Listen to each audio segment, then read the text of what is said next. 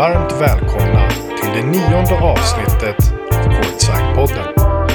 Talangfull, lovande och eftertraktad är ord som de flesta unga basketspelare önskar att beskrivas som i början av sina karriärer.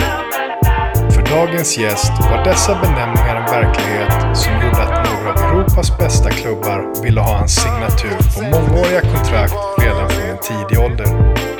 Men till skillnad från många andra svenska spelare som tar chansen utomlands så gjorde Olivier Ilunga sitt val inte enbart baserat på vart han hade störst chans att utvecklas som basketspelare men också hur han på bästa sätt skulle kunna förbättra familjens situation hemma i Sverige. För talang och vilja fanns det gott om. Men som vi gång på gång har sett så behöver man utöver dessa attribut även vägledning, tur och inte minst möjligheten att få vara skadefri att kunna befästa sin position inom den internationella proffsbasketen. För Olivier så blev karriären inte riktigt vad den enligt många hade kunnat bli.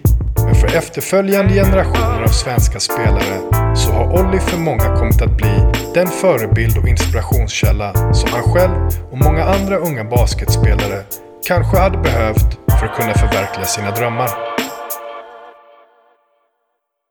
Hej och välkomna till Courtside-podden. Mitt namn är Fredrik Engström och eh, alldeles strax ska ni få höra Olivier Ilunga berätta om sin eh, basketkarriär. Och eh, innan vi drar igång så vill jag bara påminna alla om att gå in på Instagram och på Spotify och följa oss, Courtside-podden. Även på YouTube och alla andra ställen som vi finns på. Varmt välkommen till Courtside-podden Olivier. Tack, tack.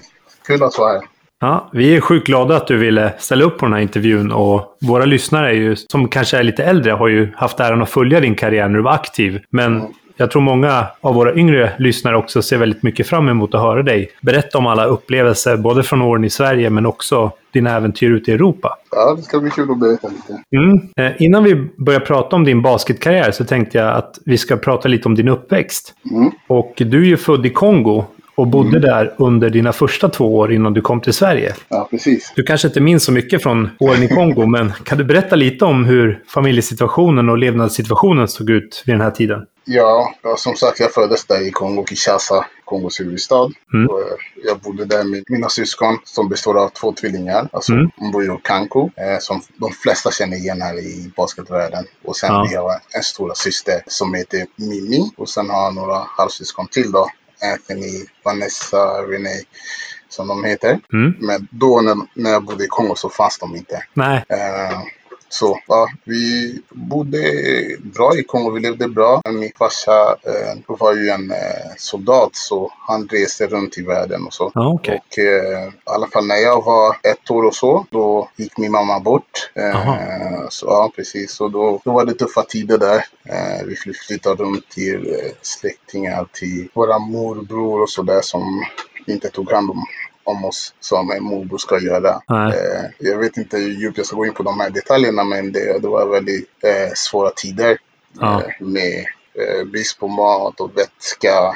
Fick sova i dåliga eh, ställen och så. Mm. Göra eh, historien lite kort så fick min farmor höra det här och hon bodde i annat ställe i, i Kinshasa då. Mm. Eh, så kom hon dit och liksom slogs för oss och hämtade oss eh, från det här elaka morbror. Eh, så. så bodde vi hos henne i några månader. Mm. Och därav pappa fick information, eh, skickade kläder till oss och så där. Och sen köpte han en, en flygresa till oss då, till Mm. först USA. Mm. Men min farmor de tyckte att det skulle bli för lång resa från Mm. Afrika till USA. Ja. Så då tog de i Sverige. Okej. Ja. Och din pappa bodde i USA under den här tiden då, eller? Precis, han bodde i USA då och Ja. höll på med sina hemligstämplade jobb om man säger så. Jag förstår, ja.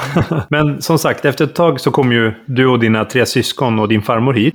Eh, och du var ju väldigt liten när du kom hit som sagt, men vilka är dina första minnen från Sverige? Eh, att det var kallt. Vi landade här, eh, det var sommar. Mm. Jag kommer ihåg vi hade på oss, vi fick klä på oss ordentligt med tjocka dunjackor. och så där. Och vi slog rulltrappan första gången. Det var, det var som en chock. Vi ramlade och så Mm.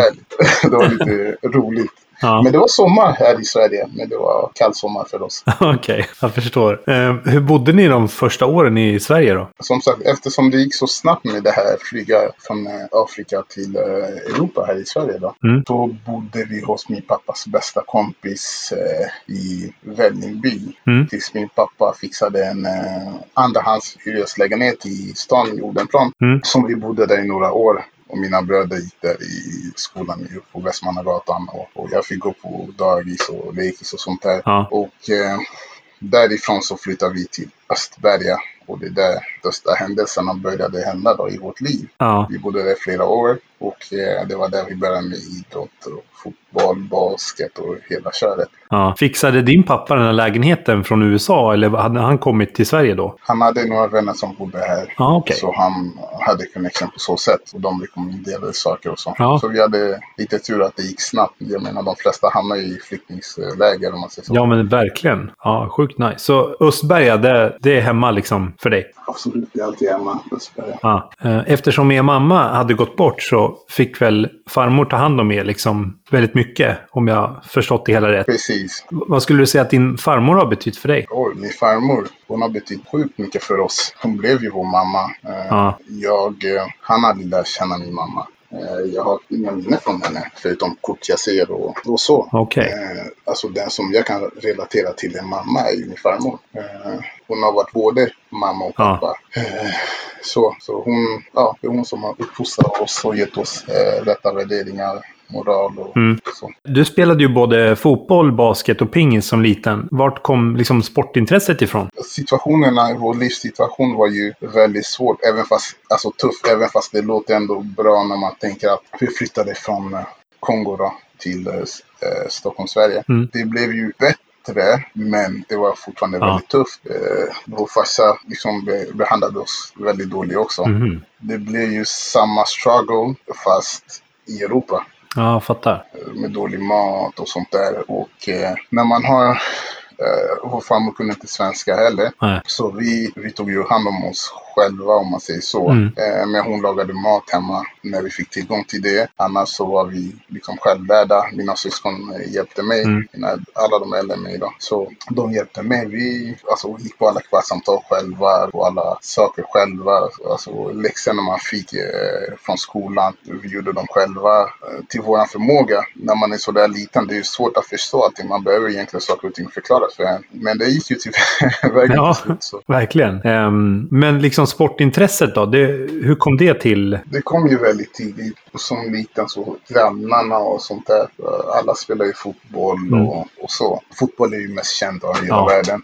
Så jag kommer ihåg eh, i Östberga utanför våran eh, lägenhet. Så vi bodde andra våningen. Så när man tittade ner så kunde man se ut till eh, våran gård. Eh, bredvid våran gård så fanns det en liten gräsplätt där eh, barnen spelade fotboll. Så vi joinade oftast där och spelade. Du började spela basket i årskurs tre, eller hur? Ja, precis. Det var i mitten av årskurs tre. Det var lite mer på skoj. Vi spelade på rasterna i årskurs tre. Eh, sen, eh, vi tyckte alltid det var kul, så varje rast så sprang vi ut till basketplanen snabbt. eh, för vi skulle börja spela liksom alla mot alla eller 21 Ja. Och eh, den som fick bollen först, alltså kom till planen först med boll, fick ju välja lag eller regler och så Mm. vidare. Så vi tävlade alltid att springa till basket, eh, basketplanen. Vad var det som gjorde att basketen tog över från fotbollen då? Alltså att det blev mer intressant att spela basket? Det är mina bröder. De, de, för dem, de älskade ju basket. Jag älskade fotboll. Jag ville spela Ah. Och de var så här, nej kom, kom över till basket, det är roligare och så. Ja, okej. Och jag, jag är envis, jag var eh, stenhård redan då. Jag bara nej, jag ska absolut inte spela basket. Jag ska spela fotboll, basket är keft. Så liksom. Mm. Men eh, sen, eh, sen vårt lag i, i Östberga flyttades till eh, Älvsjö som ligger cirka, vad kan det vara, jag vet inte, 30 minuter om man går eller 40 minuter ungefär Ja. eh, från Östberga då. Mm. Och eh, som sagt de tiderna det var ju tufft. Vi gick ju överallt eh, i den åldern redan. Så jag gick några gånger sp- och tränade där och jag kände det var för jobbigt att ta mig dit Ja. för varje träning. Eh, så när man är hungrig, man orkar inte så mycket. Så då kom basket mer in i min vardag liksom. Eh, så jag, jag gick ju och spelade basket med fotbollsskor med mina bröder och några andra. Men så utan dina bröder så tror du kanske aldrig att du hade satsat på basketen eller? Eh, 100 procent tror jag faktiskt. Ja. Tack till dem då. Alltså shit, vilken... ja. Ja, tur för dem. Ja. Nej, absolut. Det, det är tack eh, vare dem att jag började spela basket. Det är tack vare dem att jag eh, kunde tvinga mig själv att utvecklas så mycket. Det var, det var svåra tider. Ja. Du, eh, en annan grej. Det, det är många som säger att du är halvbrorsa med Rudy Memba. Växte han upp med er eller vad, hur, är, är ni halvbröder? Nej, inte riktigt. Hans storebror var halvbror. Ah, okej. Okay. Inte halvbröder, min, min kusin. Ah, okej. Okay. Mm. Då är jag med. Så att han växte inte upp med er? Nej, en viss period så vi hängde mycket hos varandra. Ja. Eh, vi växte, alltså det beror på vad man ser växa ihop. Vi var ju med varandra varje dag, sov över hos varandra. Ja. Det är ju familj. Mm, ja, så, ja okej. Okay. Eh, så han växte upp med oss. Han var ju hos oss i flera ja. månader och sådär. Eh, ja, så ja, det, han, han, hans historia och min historia går ju ihop. Ja. Eh, men din... Ja, vad tänkte du säga? Nej, det, jag fick flashback. Det var så roligt. Alltså, det var egentligen Rudy. Rudy fick ju inte vara med oss. Han var ju så liten när jag var liten då när jag började spela basket och jag hörde höra mitt namn och så. Mm. Så han ville alltid haka på. Vi var alltid såhär, nej Rudy stanna hemma. Du är för liten. Och Rudy han är ju envis. Han smög ut alltså. Ja. smög in där vi var på klubbar och sånt där. Eller på disco då. Ja. Uh, så det var, det var rolig historia. Okej. Um, ska vi se. Ja, just det. Dina äldre bröder spelade ju basket i klubben Söderbasket. Ja. Men i din åldersgrupp så fanns det inget lag, utan du och dina jämnåriga vänner fick starta upp ett eget lag inom Söderbasket, om jag förstått det rätt. Precis. Ja, det stämmer. Eh, vi, vi började spela så mycket basket under rasterna. Så vår gympalärare sa när vi började årskurs fyra ja, och sa så här, ja men killar, ni, ni har ju kul och ni är duktiga på basket. Vi borde anmäla er till skol, eh, jag kommer inte ihåg vad det heter, skol-DM tror jag, mm. i basket. Så kör vi hela eran klass, eh, så spelar vi mot olika lag då i Stockholm. Ja. det var så det började. Så vi hade inget lag i början. Så vi spelade det och så körde vi över alla grovt. Alltså vi, det är så skumt men jag, det, vi var lite, vi var så tuffa redan då. Mm. Vi spelade så hårt och det var bra försvar och, och så. Så vi vann grovt alla matcher mm. och vann skol-DM. Sen så, så fick de alla en chock och sa så här, oj, vi, vi verkar vara så bra. Då nästa år så får vi ställa upp i skol-SM då. Och då var det likadant. Vi vann både skol-DM och skol-SM i årskurs 5 och i årskurs 6 också. Ja. Eh, så då fick vi en uh, inträde, alltså inträde från uh, Söder Basket med, med en coach som heter Martin Hindor. Shoutout till Martin Hindor. Eh, eh, han var grym. Eh, han var ju tränare till mina bröder. Mm. Och via han så kunde vi starta en uh, Söder Basket Blue Stars. Heter det, för det fanns White Stars och Green Stars. Det var olika områden på mm. uh, Södermalm och fanns också precis Skarpnäck och så. Okay. Men uh, så Blue Stars var med Årstadelen och Österberga och så. Mm. Ja, det var då det startades. Ja. Vad skulle du säga att liksom Söderbasket har betytt för dig då? Söderbasket har betytt allt. Det var de som gav mig första chansen i ligan där när jag var 15 år. Och de gav mig chansen att fortsätta spela basket och träna utan att betala årsavgift för att jag hade inga pengar. Ah. Eh, på grund av våra ja, livssituation. Och eh, jag var alltid den som stannade kvar i hallen och spelade eh, efter våra träningar. Så när mina bröder och de hade träningar, de körde mig tre år äldre än mig. Då. Mm. Så fick jag hoppa in där, även fast jag fick mycket stryk så fick jag alltid komma tillbaka och träna tills jag började bli tillbaka strid. Mm. Så, eh, så de har sett till att jag utvecklas mycket också. Mm. Alltså gett mig de verktygen för att kunna utvecklas. Är det någon specifik tränare som du tänker på framför allt som verkligen formade din ja, grund kan man säga till basketkarriär? Ehm, det är en kombination.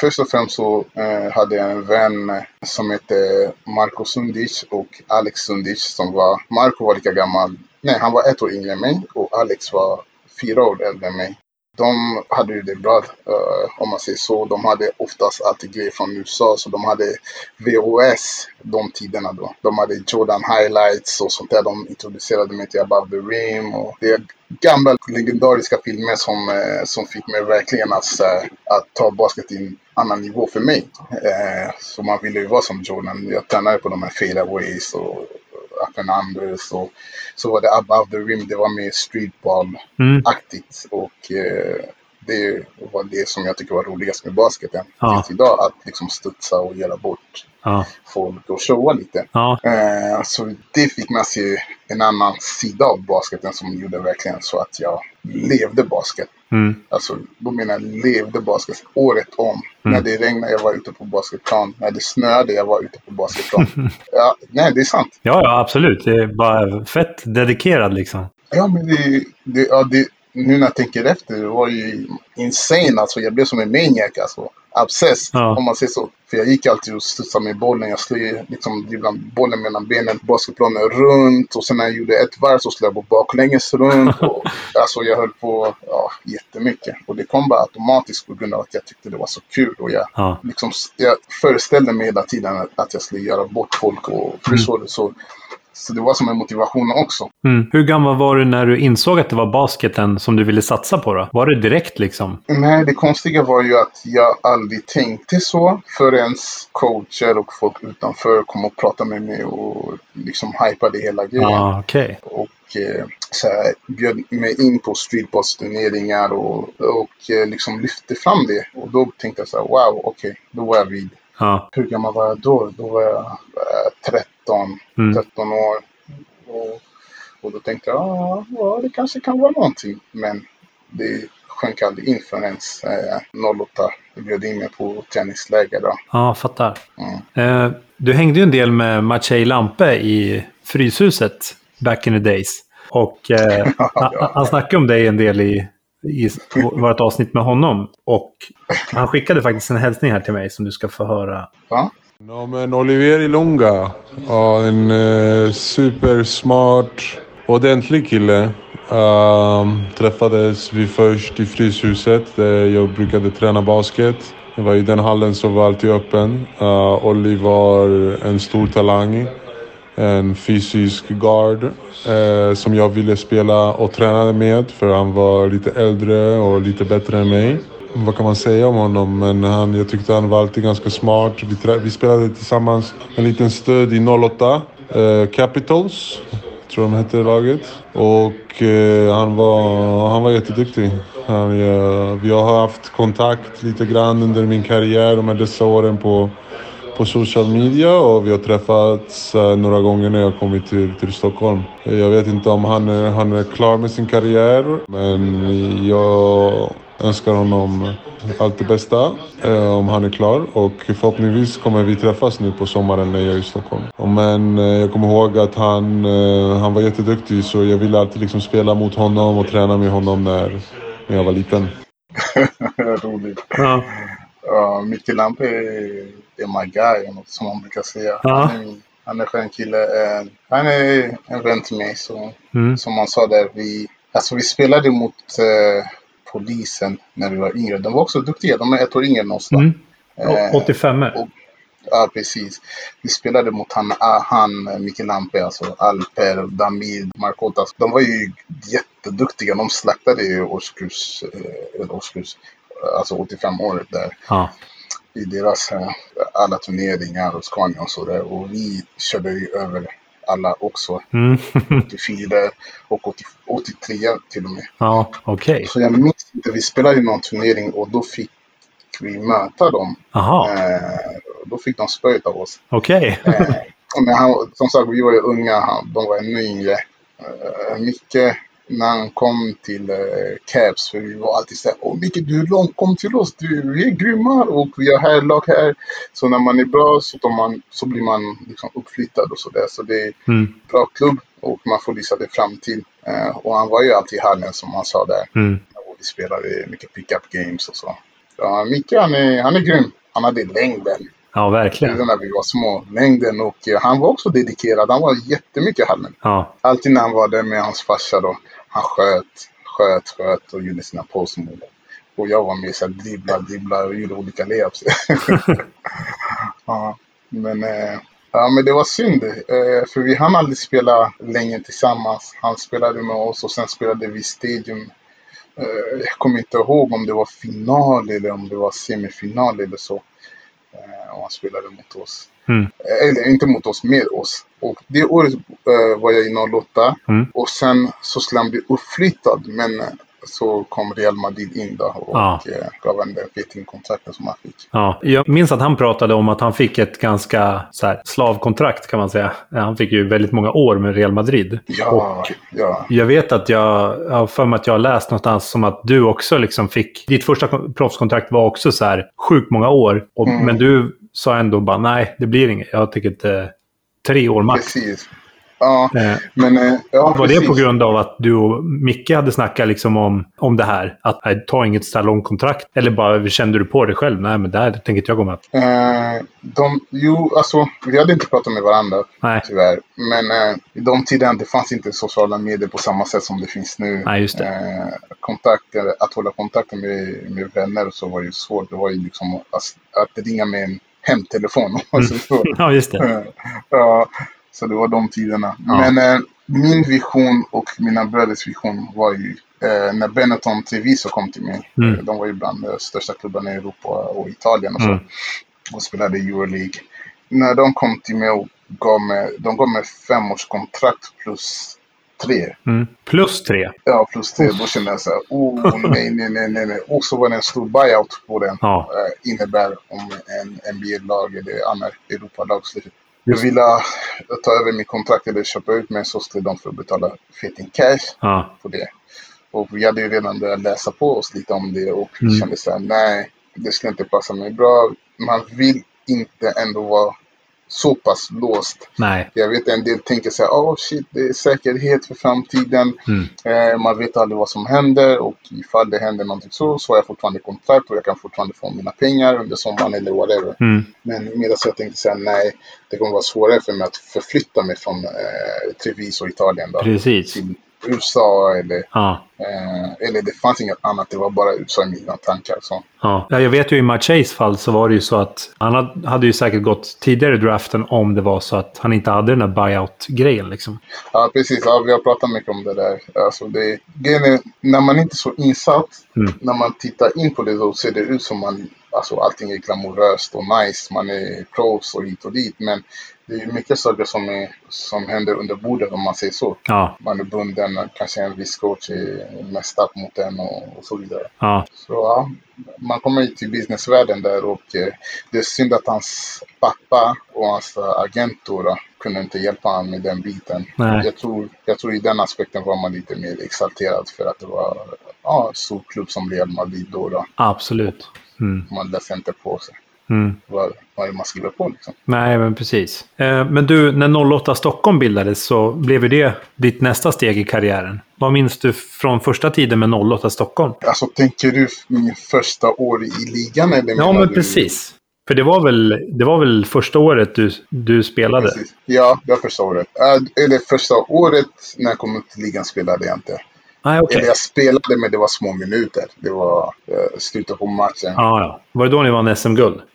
precis. Ehm, det var ju grymt. I början så var vi ett lag som, eh, som inte skulle komma så långt som vi kom då. Vi var gamla veteraner och sådär. Sen man tog in några amerikaner och, eh, som inte passade Mm. in. Och så bytte man ut dem under säsongens gång. I början så fick vi in eh, Gene Neighbors hette han då och Landry Kosmalski kanske folk kommer ihåg Mm. då. Han var också duktig i svenska Mm. ligan. Båda två var jättebra. Så hade vi Orkan Bergman och Adam Alexander. Några andra, Peter Borgman. Ja. De gamla rävarna som var grymma. Eh, som spelade Adam Alexander. Ja, just det. I alla fall. Mm, så vi var ju okej. Eh, vi vann några matcher och förlorade. Men sen kom Olle Håkansson. Mm. Han flyttade hem. Jag kommer inte ihåg om han spelade någonstans i Nederländerna. Jag minns inte exakt var. Ja. Och eh, det var någon strul där han trivdes inte. Så han kom hem till Mm. oss, eh, till norr av Stockholm. Och, eh, och började spela med oss. Och då blev det eh, stora förändringar i vårt spel och eh, vi började vinna mer matcher. Och så, jag kommer inte ihåg vilken plats vi hamnade i tabellen då. Nej. Ja, då kom vi till slutspel. Till slut vann vi SM-guld? Mm. i Norrköping. Men eh, alltså, du var ju 16 år här va? Ja, jag var 16. Och det är ju sjukt ungt för att liksom, de- debutera i ligan. Alltså, det är väldigt få som har den möjligheten idag. Men Ja, jag vet. Vi har så mycket sådana här såna där tankar jag skulle vilja lyfta fram egentligen. ja, Eh, som stoppar lite utvecklingen i svensk basket också. För förut när jag spelade, Mm. det var okej, det var inte så många som var 15-16 år som spelade i ligan överhuvudtaget. Men man vågade ge de yngre spelare chans. Nu för tiden, alla klubbar ska bli svenska mästare. Alla klubbar har för bra spelare så att man kan inte ge en ung spelare chans Nej. Att kunna möta och känna på det här tuffa motståndet för att kunna utvecklas. Mm. För det är ju det som pushar en över så att man tar nästa steg i karriären eller utvecklingen. absolut. Eh, att spela mot en tuff motståndare eller Mm. så. Men ja, jag var ju 16 år som sagt och eh, alltså det gick ju bra för mig på träningarna. Mm. Första i träningslägret där, jag tror inte det var tänkt att jag skulle ta plats Nej. i laget. Men eh, de här träningslägren, vi hade ju eh, värsta fyspasterna och sådär. Och eh, det blev ju bara vilja och mina bröder hade ju fått mig att träna så hårt när jag var liten. Mm. Så alla de här jobbiga grejerna, jag hade lätt för mig att göra dem Ja, och göra bra resultat Mm. bland män. För jag var ju liksom pojke. Så de blev förvånade och de tog upp mig i laget. Eh, under säsongens gång, jag, jag gjorde jättebra träningar. Alltså, jag, jag körde över dem. Inte varje träning, men många träningar också. Jag var ju så teknisk. Det var ju min Mm. Ja. grej. Jag kunde göra bort alla. ja. Men avslutningen sen, det var ju en annan femma. Mm. Jag behövde träna på att avsluta mot långa spelare och ta kontakt och så. Men, men ja, så jag tyckte att jag förtjänade att spela. Så jag var ju, jag var ju jätteglad att vi var SM-guld. Men samtidigt så var jag superledsen att jag inte fick spela. kan förstå det. Men du, vad hade du för förebilder på den här tiden då? Jag hade ju som sagt Michael Jordan och de här som spelade Mm. eh, i USA. Och sen eh, gillade Allen Iverson. Ja, Han var ju en stor förebild för mig. Eh, Han var ju grym. Jag eh, fick ju se hans matcher från eh, Adam Alexander då. då. De lånade oss alltid de här matcherna från college. Jag tror det hette Pontel då. VOS man kunde köpa. Mm. Då var det när han spelade i Georgetown. Georgetown Warriors. Alltså Allen Iverson. Och det var helt otroligt. Han gjorde crossover. Han gick in i mitten och dunkade över centrar och så. där. Det var helt crazy för mig. För det enda spelare jag såg som var ganska likt så, det var ju streetball-filmen Above the Ring. Ja. Som var lite så här, man fintar, man går in i mitten och försöker dunka eller Mm. så. Och, eh, och han spelade så i, i högt nivå. Och det var, jag blev helt så fascinerad, jag blev förälskad. För det är så jag ville spela. Mm. Ja. Och sen dess blev han min eh, stora förebild. Jag ville bli som Ja. han, jag ville göra som han och, och, och så. Hade du några svenska spelare som du såg upp till också? Kanske inte lika mycket, men ändå så här liksom som du tyckte var grymma när du var liten? Eh, jo, William Copeland. Ja, Mm. Han var min... Eh, alltså han var en förebild. Fast jag hade aldrig sett honom spela. Jag hade inte sett några matcher och sådär. Jag, hade, jag fick bara mycket återberättat till mig hur han var. Och han var också grym talang. Väldigt spänstig kortgard och ostoppbar. Sen flyttade han till USA och spelade high school och college och så. Eh, Ja. Jag fick bara höra historier om hur han spelade. Hur, och så liksom. Så jag blev alltid så här, wow, Mm. okej det är så där jag vill bli. Jag ska bli bättre än han. ja. Och sen gillade jag Adam Alexander. Det blev ju att vi hamnade i samma lag. Ja, Senare också. ja precis. När jag var yngre så spelade han i Caps då, Capitals. Han och Peter Bågne, de är... Så jag gick alltid och kollade på deras matcher när jag hade tid. Och jag Mm. gillade hur han spelade. Han var ju grym. Han Ja. hade ju uh, halva hand om man säger så då. Vänstra handen och ändå så var han så skicklig och ostoppbar. Grym skott och hoppade. Han hoppade jättehögt. ja, så han var ju en eh, förebild också. Ja. Men du var ju runt 17 år när du vann första SM-guldet och 08 Stockholm Human Rights första SM-guld också. Eh, mm. Eh, Du började ju redan då locka till dig uppmärksamhet från olika klubbar, och inte bara i Sverige utan även utländska klubbar. Hur kändes det att liksom få den här uppmärksamheten vid en så pass ung ålder? jag, jag var aldrig den personen som tog åt mig sånt där. Jag var mer, jag var så... Först blev det en chock såklart när Opel Skyliners kom till mig. Eh, Mm. Tyska lag och eh, några collegelag tog kontakt eh, med 08 och ville att jag skulle komma och träna med dem och sen flytta dit och spela för dem. Mm. Eh, och jag hade redan målet i sikte NBA.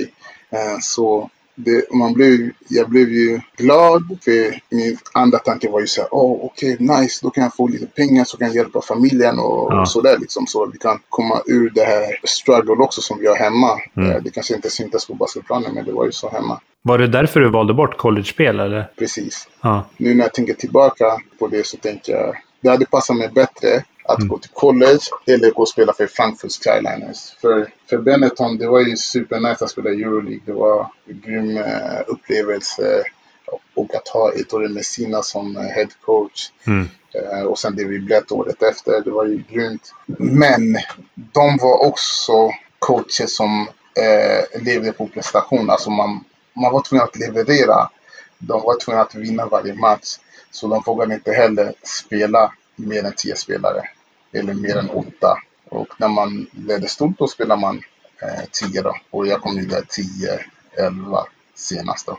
Mm. Eh, så ja, och då tog det också stopp för mig. Mitt driv tog lite stopp där. Mm. Jag tappade lite motivationen och sådär. För det var ju det var tufft. Ja, men du gick ju gymnasiet när det liksom började bli allvar med basketen. Kan Mm. tänka mig att du hade en ganska hög status på skolan tack vare dina framgångar inom basketen, eller hur var det?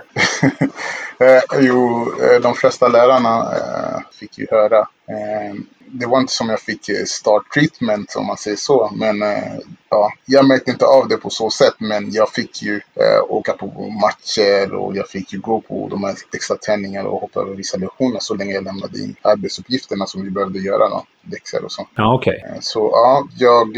Så de var väldigt flexibla i skolan då, med andra ord? ja, precis. Och klasskompisar och skolan. Alla visste vem jag var. Ja. Men du, jag tänkte, du pratade tidigare om college och sådär. Minns du vilka som var sugna på att få över dig? Eh, det var Boston College, Providence Mm. och Colorado State. Ah, Det var de till. Och Pittsburgh, förlåt. Jag glömde Pittsburgh också. ja, okej. Var du på någon visit eller hann du aldrig åka dit liksom? Jo, jag åkte dit. Jag, eh, jag åkte med en vän första året där i Providence. Ja. Och vi var där och gick runt och kollade på campus. Och, och på somrarna så har de individuella träningar. Alltså man får inte träna som lag. Mm. Ja, så de hade individuella träningar. Så såg jag spelarna där träna. Så hade de pick-up games på kvällarna. Så vi var med och spelade och så. Ja, okej. Eh, och likadant i de andra skolorna då. Ja. Ja, det var kul. Ja, jag fattar. Men eh, vid den här tiden, liksom, när du var kvar i skolan, gymnasiet och sådär, så hade ju du redan eh, spelat många landskamper med ungdomslandslagen. Men du blev ju också ganska snabbt kallad till herrlandslaget. Vad minns du från din första landskamp med herrarna? Min första landskamp. Eh, jag minns... Jag, jag, jag, var, jag, jag, jag var så kaxig. Jag var, vi kom ju från uh, vår lilla hood i Esberga. Ja. eh, där det var lite tufft och så. Så jag var ju så kaxig. Min attityd var ju också så när jag spelade. Ja. Jag struntade i hur gamla de var. Eller att de hade spelat i landslaget i, och gjort över 100 landskamper eller whatever. Jag var ju alltid samma even kill Ja, mentalitet och mode. ja, Så jag ska köra över dem där. Jag ska köra över de där gubbarna. Det spelar ingen roll. Jag ska visa dem vem jag var. ja. Och när det, jag spelade ju tufft. Jag var ju fysiskt redan eh, tidig ålder. Så, så de var såhär, vad fan, sluta spela sådär. Då sa, jag- då sa jag till dem, håll käften, vad du tror att du är? så jag var ju superkaxig. Men jag förstår som motståndare, man blir ju irriterad. Men den attityden gör ju också så att man kommer längre. ja. Tror du att det var det som gjorde att du liksom höll dig kvar i landslaget? Liksom att de ändå accepterade dig? Att du så här, ja men han backar inte liksom. Ja, bland annat. Och sen var det också att jag, jag presterade. Jag kommer ihåg min första landskamp. Det var någon turnering i... Jag minns inte om det var Estland eller Lettland. eh, under... eh, vid julen eller något sånt där. Det var någon speciell turnering då. Ja, Eh, då har man inte originala truppen då i landslaget för folk är ju proffs och whatever så. mm. Och jag fick inte så mycket chans första matchen. Och sen stukade jag foten på den Mhm. lilla tiden jag fick då. Och sen andra dagen, eller det var sista dagen då. Det var exakt dag innan jag hade stukat foten då och den var svullen och så. Då sa de, ja men du får spela om du känner att du klarar av det. Mm. Och jag sa, fan men jag har så jävla ont så jag vet inte hur jag ska spela.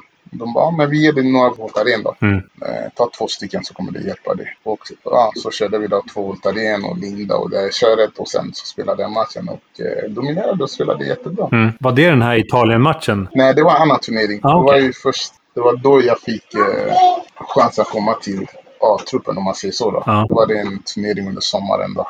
Ah, okej. Så vi spelade mot Ryssland, Georgien och eh, Italien. Och så var det något till eh, landslag som var med i den här turneringen. Då. Mm. Och eh, det var som vanligt där. Man körde fortfarande med de här Mask Devlin och Paul Burke och de gänget först. Ja, Där man vågade inte, även fast jag tränade också bra. Eh, ja, så vågade man inte ge mig en chans. Det var när vi fick stor stryk typ.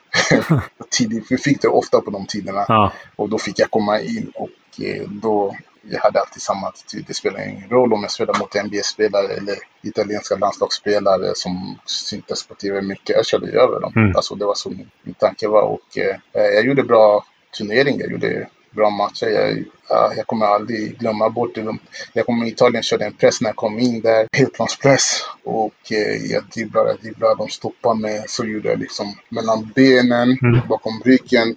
Tunnade jag eh, deras eh, guard, vad, vad heter han då? Inte Boleri, det var någon annan Mm. guard som spelade mycket. Och eh, den där turneringen, det var inte mycket folk där. Nej. Och alla blev så åh, så gick jag förbi dem och liksom la upp den högt och gjorde poäng. Ja. Och en annan gång så pressade de mig så gjorde jag mellan benen och spin move. De var helt borta. Och eh, ja, det var då eh, agenter kom till mig direkt efter matchen och så här, gav mig deras visitkort och sådär. Ja. Liksom så. Vet om den här matchen finns inspelad någonstans så vore det ju nice att se. Jag vet inte. Det var... Inget du har i din samling i alla fall. Nej, och det är så synd för jag har inte... Alltså jag var så inriktad på att jag skulle komma långt så jag skulle inte behöva de här matcherna för jag skulle göra bättre matcher i högre nivå och sådär.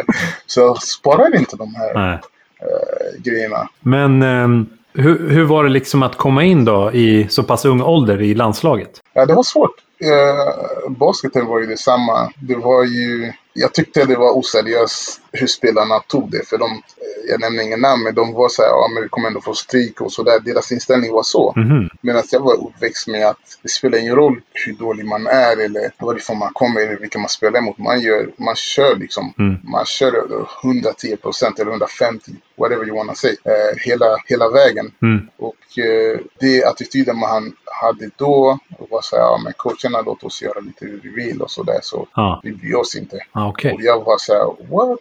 Hur kan ni tänka så? Mm. Alltså, ingen ska göra bort mig, jag ska göra bort dem. Mm.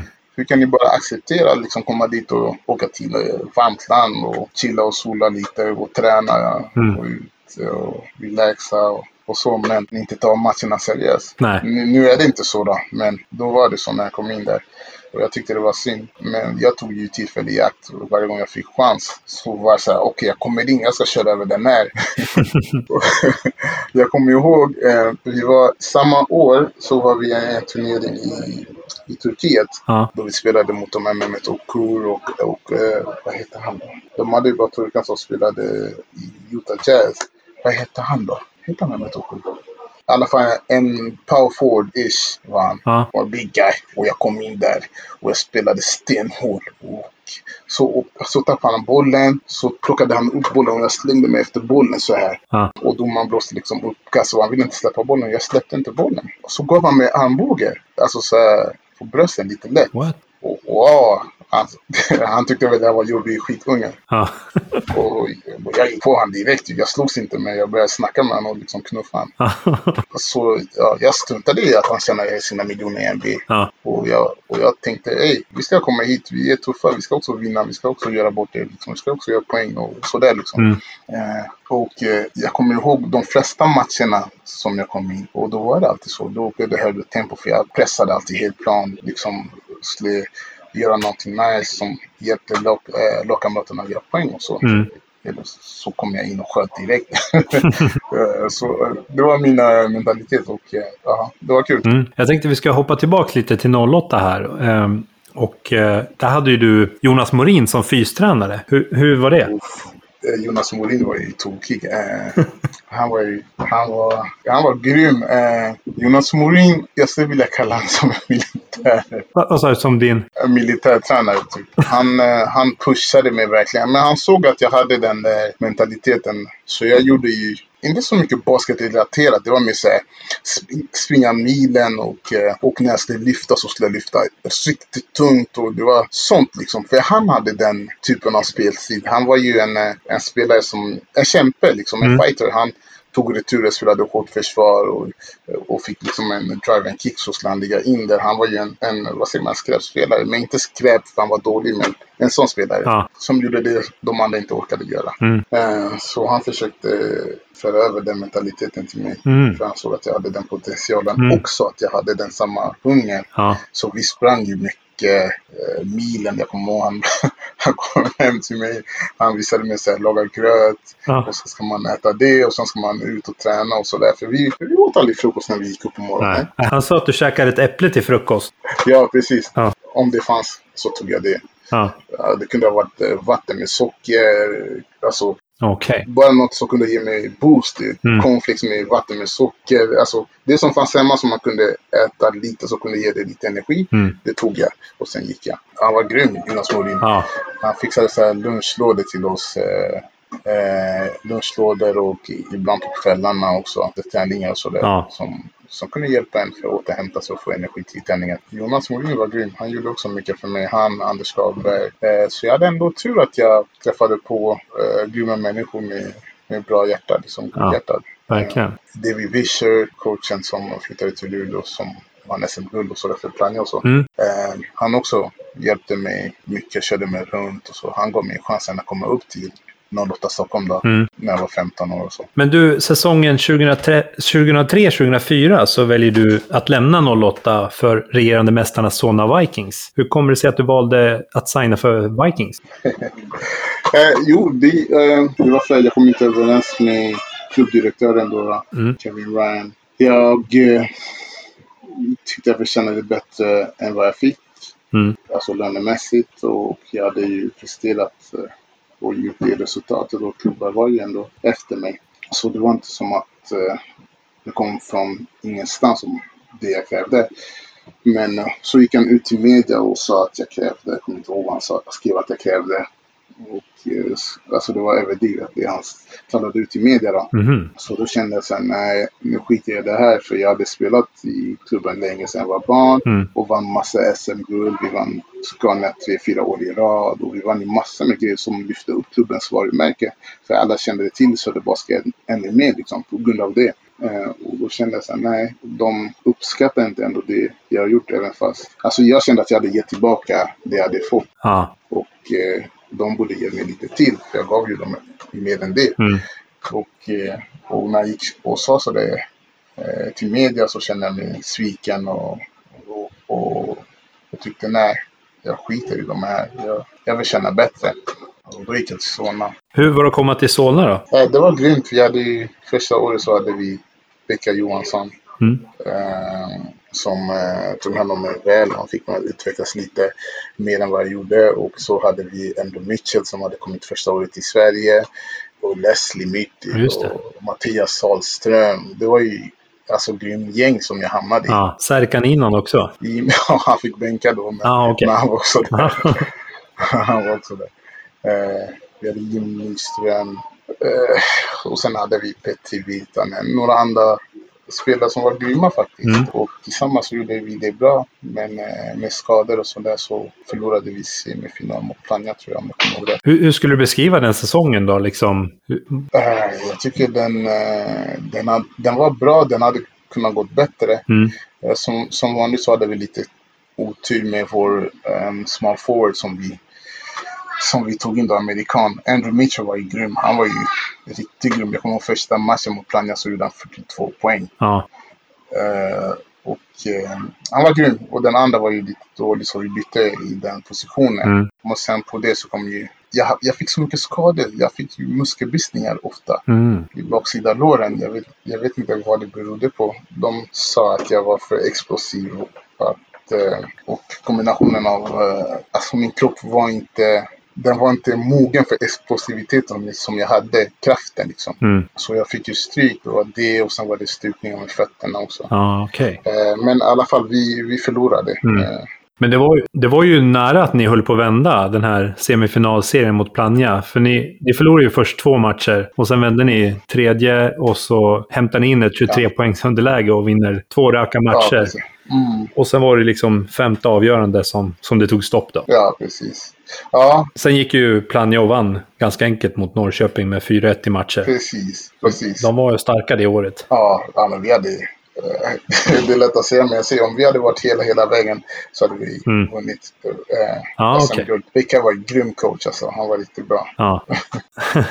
Men du, säsongen efter så åker du ut i Europa Ja. för ditt första utlandsäventyr. Yes. Kan du beskriva hur du hamnade i den italienska klubben Benetton Treviso? Ja, det var ju som jag sa eh, på grund, av, eh, på grund av den här turneringen jag gjorde i Italien då, som var Mm. bra. De tyckte att jag var lysande talang då. Mm. Kunde dribbla bollen, kunde skapa för andra och kunde avsluta bra med korgen. Såklart jag var Ja. oslipad diamant som de ville satsa på. Mm. Och eh, de här agenterna som kom till mig då som, som kastade olika klubbar som ville ha mig och så. Eh, förutom de som var på turneringen. Eh, rekommenderade Benetton Treviso för han hade spelat där när han var i sina proffsdagar då. Och eh, han agenten heter Ismail. Jag kommer aldrig glömma för han var en grym eh, person. Och jag kände att jag Mm. klickade med han och eh, ja, jag trodde på hans ord. Så han lovade mig att jag skulle utvecklas kanske första året. Att jag skulle inte spela så mycket men jag skulle hamna i Europas bästa coach. Ben- Benetton Mm. Treviso var Europas bästa klubb och sådär liksom. Så ja, då tog jag den då. Mm. Efter de här matcherna med Solna så kände jag så här, shit jag är inte riktigt redo att åka. jag gick klart skolan då och eh, funderade på det här med att eh, åka och spela college. Men då var det så här att jag skulle få, få stå över typ fem matcher eller vad det var på grund av att jag hade tjänat lite pengar och sånt där när jag hade spelat basket. Det var den, den regeln ju. Ja. Eller så skulle jag bli redshirt, jag kommer inte ihåg. Det innebär att man spelar inte första året. Nej, just det. Ja, så kände jag sen, nej, ska jag verkligen göra de här grejerna? Jag som älskar basket så mycket, nej, jag kommer inte klara av det. Och Mm. så, så var det liksom. Jag fick ju jättebra cash första året i Benetton, så då, då tänkte jag så här, nej, jag tar det här, jag kan hjälpa familjen och vi kan få bättre ställt. Liksom. Mm. Så då tog det över och jag åkte till Italien. Jag vet att eh, Radiosporten vid det här laget, de nämnde ju den här övergången som en av de liksom, största övergångarna i svensk baskets historia. Och det måste ha varit väldigt många i Sverige som var chockade över att du kom till just Benetton. Liksom. Ja, ja det var de. Jag fick mycket samtal och, och eh, många pratade om det varje gång jag var någon, någonstans ute vid en basketplan eller så. Det kom ju ut på tidningarna och sådär också. Mm. Ja, det var ju kul. Eh, för mig fortfarande så var det ett steg på vägen men för min vision var större än det där. Ja, fattar. så jag var, ja, det är sjukt att när, nu när jag tänker efter att det låter så knäppt. Eh, men jag var inte nöjd. Jag var jätteglad men jag var inte nöjd. Eh, Nej. så det, det, det kändes ju kul. För mig var hela resan liksom att komma till ett nytt land där jag aldrig bott. Jag har varit där en gång innan. Eh, Mm. Ny stad, kan inte språket, ingen svensk där alls i laget eller i närheten. Hur ska det gå till liksom så? Så det var pirrigt, spännande och jag tänkte ah, vi får se hur det blir. Mm. Så jag kom, så jag kommer ihåg, jag kom dit eh, till eh, Intesa, flygplatsen där och i Venedig då. Ja. Och så kom vår materialare i Benetton då, Mm. som heter Chiro. Han kommer hämta mig i flygplatsen. Då. Kolla italienare! Som liksom är riktigt gangsters. som man ser på filmer. Han bara, ah, Olivier, come here, come here. How, how you doing? sir? Where, where's your bag? Where is your bag? Okej, he's right over there. Så, här. så satte jag mig in i hans bil då. Mm. Och den här killen, han körde som en idiot alltså. Han körde skitsnabbt och jag förstod inte varför han körde så snabbt. I mitt huvud tänkte jag så här, wow, vad gör han? Ja. Han körde i vägrenen och skulle köra förbi bilar och Oh. alltså så pass. Ja. Och jag bara wow, italienare de är riktiga maffias. Här kommer han och hämtar mig till en stor klubb och han kör som en dåre. Ja, så, så, så landade vi i alla fall. Vi kom fram oskadade. Vi bara oh, tänkte jag liksom. Eh, så, så sa han okej, put your bags here. We got the first practice right now. So we want to introduce, introduce you to the coach and the team. Så, så, så okej, så tog jag mina skor. Eh, satte på mina tights och sen åkte vi direkt till Pala Verde som det heter. Mm. Eh, Gröna palatset då, Ja. i Treviso. Så kom vi utanför gigantiska arena. Helt stort. Jag, jag var så chockad. Jag var så här wow. Eh, och så kommer vi in. Eh, så ska han guida mig till eh, omklädningsrummet så här. Mm. Och eh, så bara, åh men stanna här. Så tar han fram massa skor, träningskläder. Så fick jag prova det som matchar mig, alltså min storlek och så. Mm. Han bara okej, here we go. Du får tre par. Ta dem så här liksom. Ja. Så jag bara okej. Så gick vi in och bredvid vårt omklädningsrum, jättestor omklädningsrum med liksom flat screen, egen bås med mitt namn på där och mitt nummer sex på. Ja. Och jag var såhär wow, oh yes! Stor upplyft från eh, Sverige liksom. Mm. Eh, så det var ju kul. Så fick jag träffa Ettore Messina då och eh, assisterande coacherna. Så sa de liksom welcome, we heard good things about you. Uh, we saw the tape, we like how you play, but now you play with men. Huh? Så han var ju sådär liksom. Eh, Messina var, han har förändrats nu men då var han asshole. Ja. Så han hade dålig attityd. Han kan vi gå in kanske på en annan gång men i alla fall Ja. så skakade jag hand med dem alla så gick jag och bytte om. Mm. Och ja, hoppade in i första träningen då och ta Ja. kort. Så för mig var det det, hoppa in, hoppa ut så ska jag ta kort och bli intervjuad i media och sådär liksom så. Mm. Eh, Så det blev inte riktigt heltändning till mig då. Nej. De liksom värmde upp och gick igenom alla spel och sådär. Ja. Hur skulle du beskriva truppen då? Vår trupp var bra. Vi vann ju, vi vann ju eh, Supercup. Jag kommer inte ihåg vad den heter. Nej, eller Coppa d'Italia var det. Coppa d'Italia. Ja. Ja. vi vann ju den. Eh, alltså, de hade, vi hade, jag tror, om jag minns rätt, sju eh, landslagsspelare från Italien där. Ja. Riktigt grymma, så de var ju stora spelare. Jag hade ingen aning om alla andra, förutom de här garderna som jag hade spelat emot. Så, Ja, okej. eh, så hade vi Andrea Barjani, Ja, som blev ju first pick i NBA just det. tre år efter. Ju. Som spelat i Toronto Raptors, Brooklyn Nets och New York Knicks. Precis. Eh, så hade vi Uros Slokar som också spelade i Toronto Raptors. Eh, och sen flyttade han över till Euroleague då. Ja. Han kom från Slovenien. Eh, så vi hade ju grymma spelare. Vi hade, Ramonas Shishkautkas hade ni väl också? ja, vi hade han, vi hade, alltså, vi hade Pachelis Moland som var second round NBA draft som gick till Seattle. Eh, fransman som var Mm. superspänstig, grym. Eh, Ja. Så vi hade grymma spelare. Jag blev ju chockad första träningen för alla var som Mount Everest för mig. Alla var superlånga. Dennis Mar- äh, Marconato, han var ju också över två meter någonting. Superlång. Marcus Goree var ju också riktigt Marcus explosiv. Goree. Ja, han var min, han var min kille. Alltså, han kom jag riktigt bra överens med.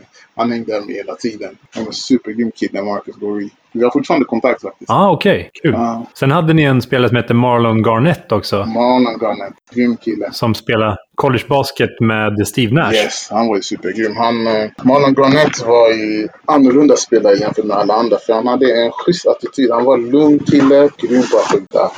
Riktigt troende kille. Alltid lugn. Men han, eh, han pratade jag också bra med.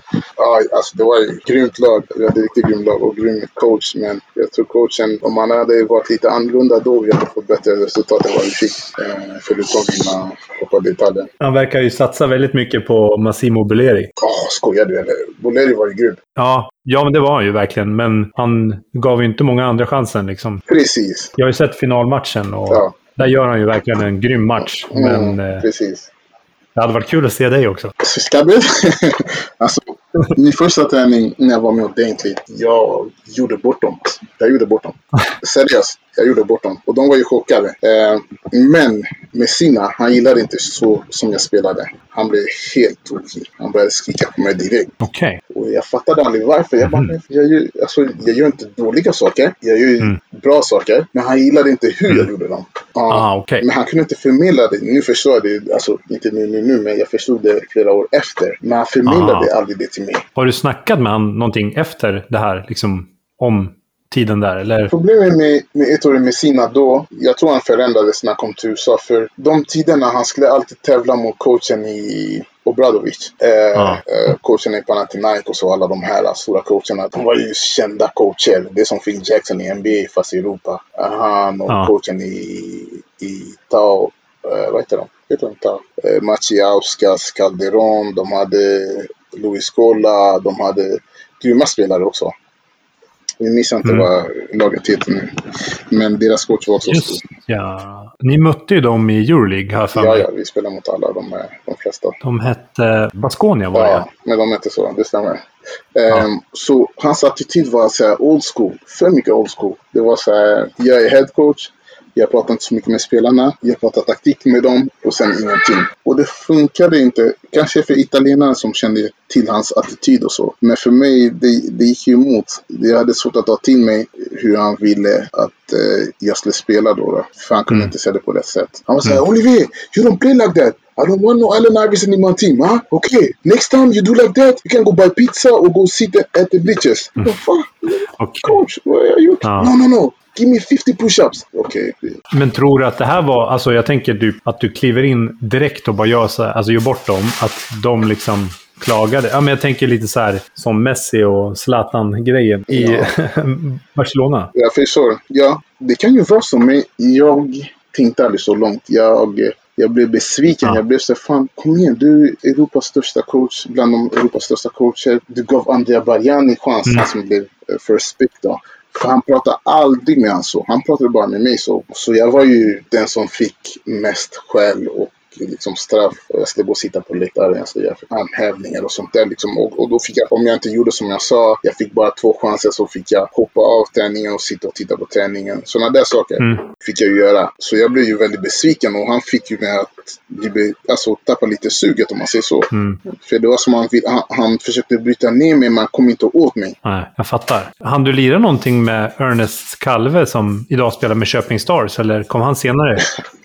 Jag, nej, jag, jag spelade med Gjorde? Ja. Eh, ja, han kom ju året efter så, Koppa? ja, så gick ju Messina. Jag kommer inte ihåg var han gick ens, om han gick direkt till NBA då. Ah, okej. För det var ju snack om det. Då kom David Blatt och då kom ju Ernest in. Uh, Calve och han hade tur att han inte träffade på Messina. För Messina, han, de, är, alltså de här coacherna, de är superdetaljerade i deras taktik och så. Man måste göra punkt. Speciellt Messina, han var ju extrem. Alltså du måste följa linjerna, du måste följa katsen i rätt timing, bam, bam, bam, bam, så. Och du ska göra det exakt som han vill. Om inte du gör det, speciellt för mig, you're screwed. Ja. Men Ernest, han, han hade svårt att ta in de här avancerade eh, taktiken. Ah, okej. Han sprang alltid bort sig, tog fel skott. Han sköt ju mycket och sådär Mm. då. Och David Blatt, han var ju grym coach. Så, så jag hade redan pratat med min agent då. Ja. Att jag, jag vill inte spela det säsongen till. Alltså säsongen efter med, med Ettore Messina. Så vi hade redan pratat om okej, vad ska gå och sådär. Mm. Eh, så jag spelade ju. Jag, jag hann inte eh, vinna italienska ligan eh, med Benetton då. Nej. Vi vann ju bara Copa. Sen vann de ju med stark Ja, men precis. med, med David Blatt. Och vi hade Nicolas Zizis, vi hade Drew Nicolas, Marcus Gori fortfarande, Andrea Barjani och så. Ja. Eh, italienskan då? Hur gick det med språkbarriären? Det var ju svårt att få till den delen för vi hade ju träningar jämt. Alltså jämt. Jag fick en chock för att i Sverige så ofta så var det så här dagen efter match. Man gick och cyklade lite och sen fick man relaxa liksom. Mm. Men innan i Italien vi tränade hårt Mm. Dagen efter. Ja. Och sen gick vi och gymma och sen eh, fick vi kosttillskott och sånt där och bra mat. Och sen ja, så flög vi till eh, jag vet, Spanien och spelade Euroleague. Och sen kom vi hem, tränade och sen spelade vi italienska ligan. Och sen tränade vi och sen en till match och sen var vi lediga. Ja. Alltså det var ju extremt. Till och med jag som inte spelar, jag blev fan så jävla trött Ja. mentalt bara. Så det var inte mycket till fritid kan man säga med andra ord. Precis, så jag hann ju de tiden jag fick eh, som var ledig då, då åkte jag runt och kollade Venedig, Mm. eh, Bologna och sådär. Jag orkade inte liksom studera på den tiden Nej. och lära mig språket. För det här låg ganska nära eh, Venedig, eller hur? Ja, 20 minuter Ja. Men hur var kvaliteten då på liksom, högsta ligan? Italien? Ja. Det var ju bra. Man har så mycket mediatid om man säger så.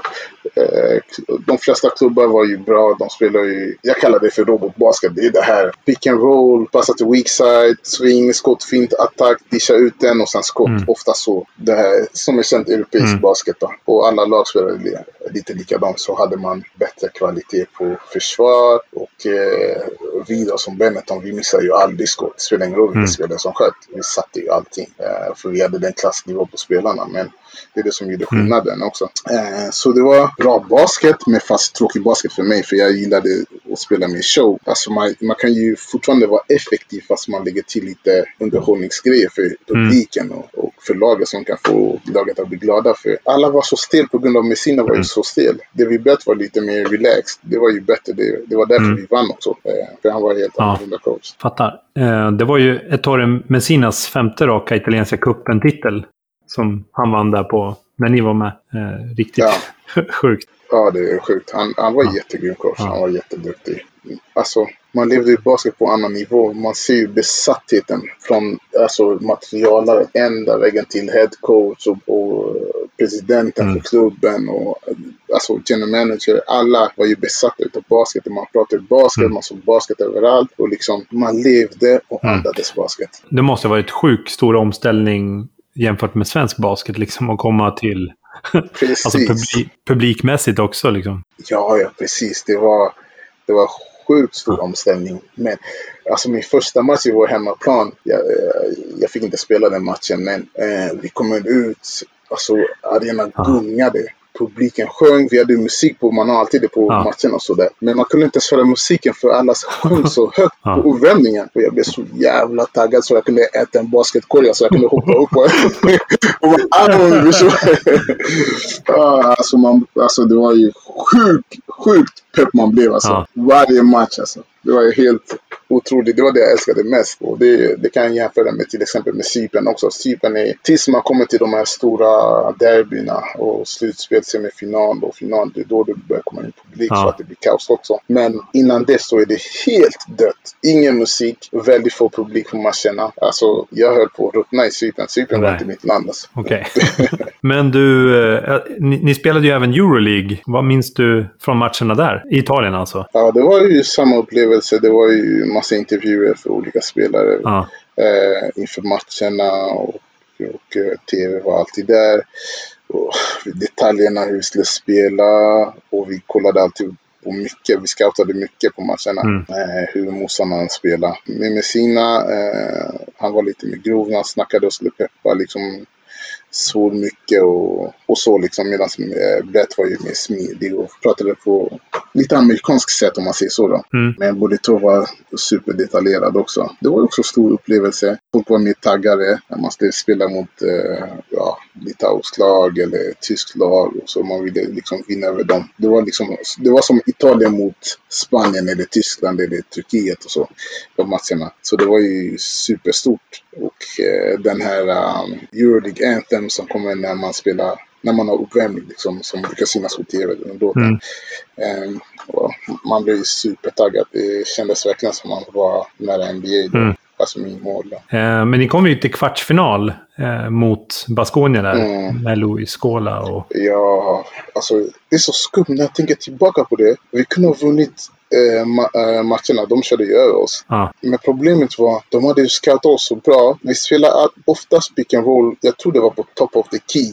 Så målet var alltid strykande weak side, inte strong side när man kommer av picken. Ja. Och de fuskade redan på den. Så oftast när vi skulle slänga den här skippassen då till weak side då, Mm. mm. pick and roll, så snodde de den. Jättemånga gånger. Och det där var vår go-to-spel. För Marcus Gori skulle få den på toppen där. Sen skulle han Ah. skjuta eller attackera. Eller, eller Andrea Bajani då. Ja. Så vi fick inte ut någonting av dem här. Ah, fattar. Ja, och det var så skumt för Messina var ju ändå grym coach, alltså tung coach. Jag fattar inte varför inte vi vi fick till det. Mm. Den serien vi spelade ju dåligt, de körde över oss. Mm. Det var en jävligt konstig känsla efter matchen alla var nere hela tiden och Messina gick ju upp till taket och genom taket och allting och Mm. började blanda in familjesnack och sådär som spelarna inte gillade. Det blev ju Aha. bara, ja, det blev kaos. Mm. För Skåla droppar ju 34 poäng i första matchen där. Och Ja. jag tänkte, ställde ni om sen i andra matchen och skippade den där grejen de snodde bollen? Eller fortsatte han köra samma taktik i match två? Det blev inte lika mycket utav den. Vi fick ju, han la ju in en annan, eh,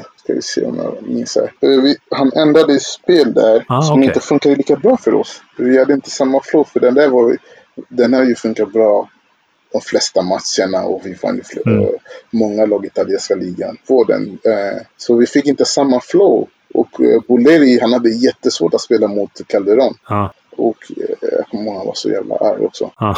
Så Massimo producerade inte på det sättet Messina ville eh, också. Så Mm. det, var, det fick inte ut någonting av det. Ja, jag fattar. Mm. Men du, du stannade ju kvar i Treviso i två år, men sen återvände du ju till Stockholm och 08. Ja. Kändes det som ett nederlag för dig att återvända till Sverige, eller kändes det skönt att komma hem? Nej, det kändes skönt för att eh, jag, jag hade ju tappat suget att spela hos eh, Benetton och eh, jag, mitt mål var ju detsamma men det försämrade om man säger så. Då. Mm. Livet var inte detsamma så jag kände att nej, jag behöver gå hem, eh, samla ihop mig och försöka hitta glädjen igen. För glädjen försvann helt. Du vet att träna hårt dag in dag ut utan att spela matcher. Jag var inte van med det. Även Nej. fast jag kom tidigt upp i, till ligan så kanske jag spelade inte mycket.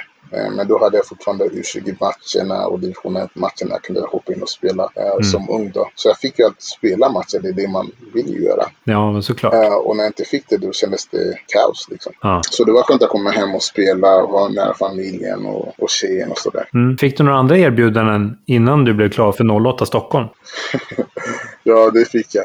Eh, och jag tackade nej till dem. Jag sa nej, fuck it, jag ska hem där jag kan hitta mig själv. Liksom. Jag behövde hitta mig själv och min glädje. För jag, Mm. för jag hade verkligen liksom, tappat motivationen nästan helt. Ja, Jag blev deprimerad för han, han förstörde för mig Ja. med sina. Sen var det Ja. ju synd att jag, vi hade redan bestämt det innan Blatt blev klar då. Mm. Eh, så jag, jag, om jag hade stannat kvar med David Blatt så hade det också blivit... Jag tror att det hade blivit bra. Jag hade inte spelat mycket mer, men jag hade spelat mer än vad jag gjorde med Messina. Men du blev utlånad vad jag förstår Ja, till 08. yes.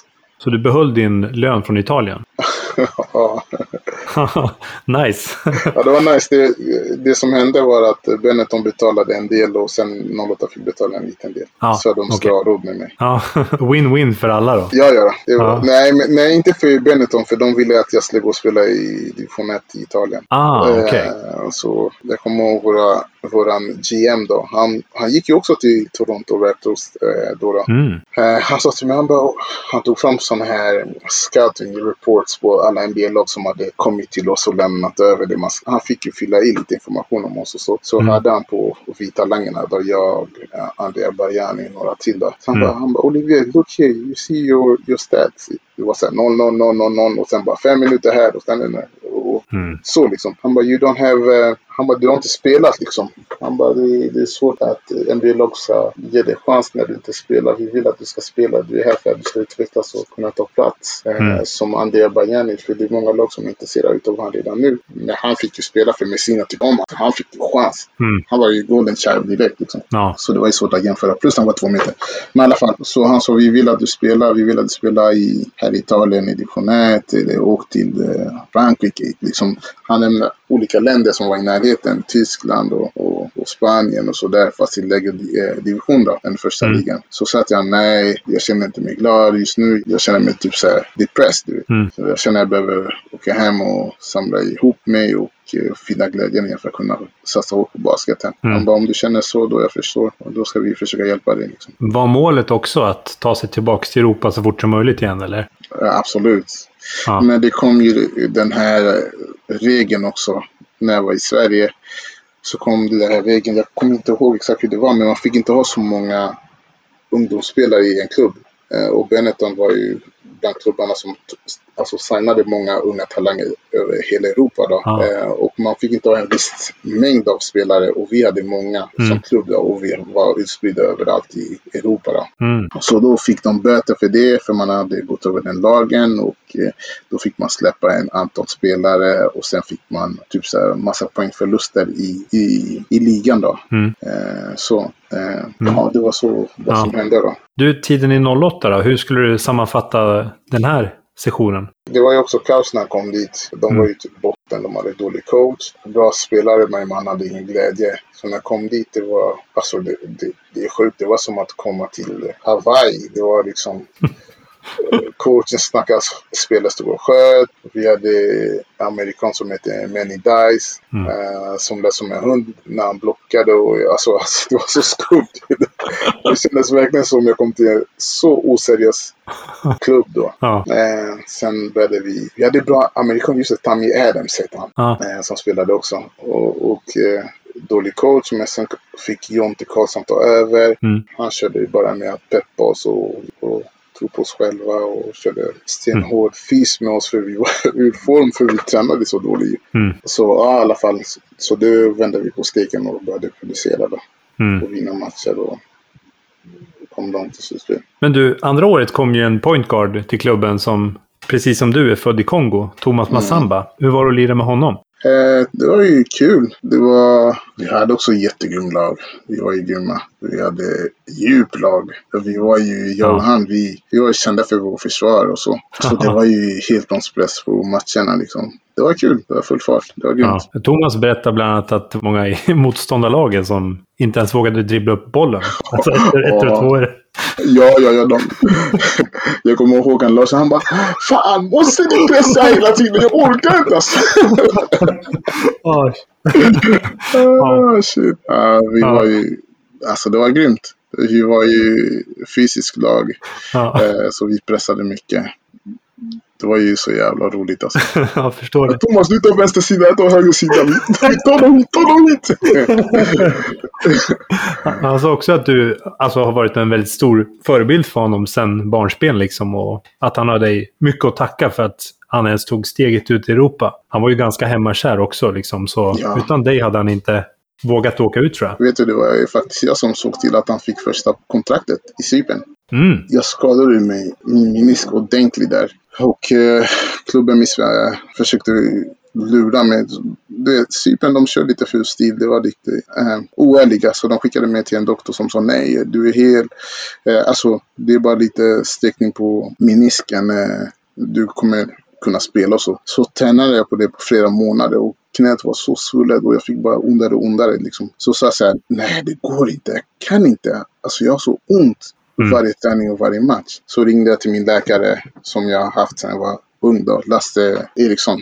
Mm. Eh, så pratade med honom på Skype via datorn. Mm. Så berättade jag hur min skada uppstod och sådär. Han sa, han, så sa han så här, Olli det där låter ju som en riktig skada så du behöver komma hem och röntga dig och sådär. Mm. Och så skulle jag berätta det till den klubben då, Cypern. Och de bara såhär, nej, nej, gör inte det, du behöver inte åka hem, du är okej. Okay. Varför tror du att vi ska ljuga för det och så? Så sa jag till dem så här, men lyssna, jag åker hem och gör röntgen. Jag betalar för min egen flygresa. Eh, så får vi se hur det ser ut. Om det är okej okay, så kommer jag tillbaka och spela, men om det är inte okej okay, så kommer jag inte. Så sa jag liksom så. Mm. Så åkte jag hem så visade det sig att jag hade eh, skadat eh, stor del av min menisk. Det hade åkt in under min eh, knäskål och slog sönder min brosk i knät och sådär. Så det blev en, en, en stor ingrepp som liksom stoppade lite av min karriär om man säger så. Mm. Eh, och det, det, tog ju över ett år innan det blev bra igen. Och i alla fall så ringde jag till dem och sa ni hasslar mig, ni, ni var oärliga och sådär. Eh, så sa de nej vi visste inte, den här doktorn, de skyllde på någon annan i alla fall. Så sa de till mig så här, om jag känner till en spelare som skulle kunna hjälpa oss eftersom du inte vill komma tillbaka. Mm. Så sa jag till dem, ja jag, jag är en till kongoles eh, som är grym i försvar, eh, bra lagspelare. Eh, som heter Thomas Massamba. Så gav jag dem informationen om honom. Mm. Så sa de, ah, okej, okay, oh, tack så mycket, vi ska ta kontakt med Och sen eh, så åkte han till eh, ETA, heter de då. Ja, just det. Essa Ngomis. Ja. Ja, precis. Och spelade det. Det var hans mm. första uh, utlandskontrakt. Ja.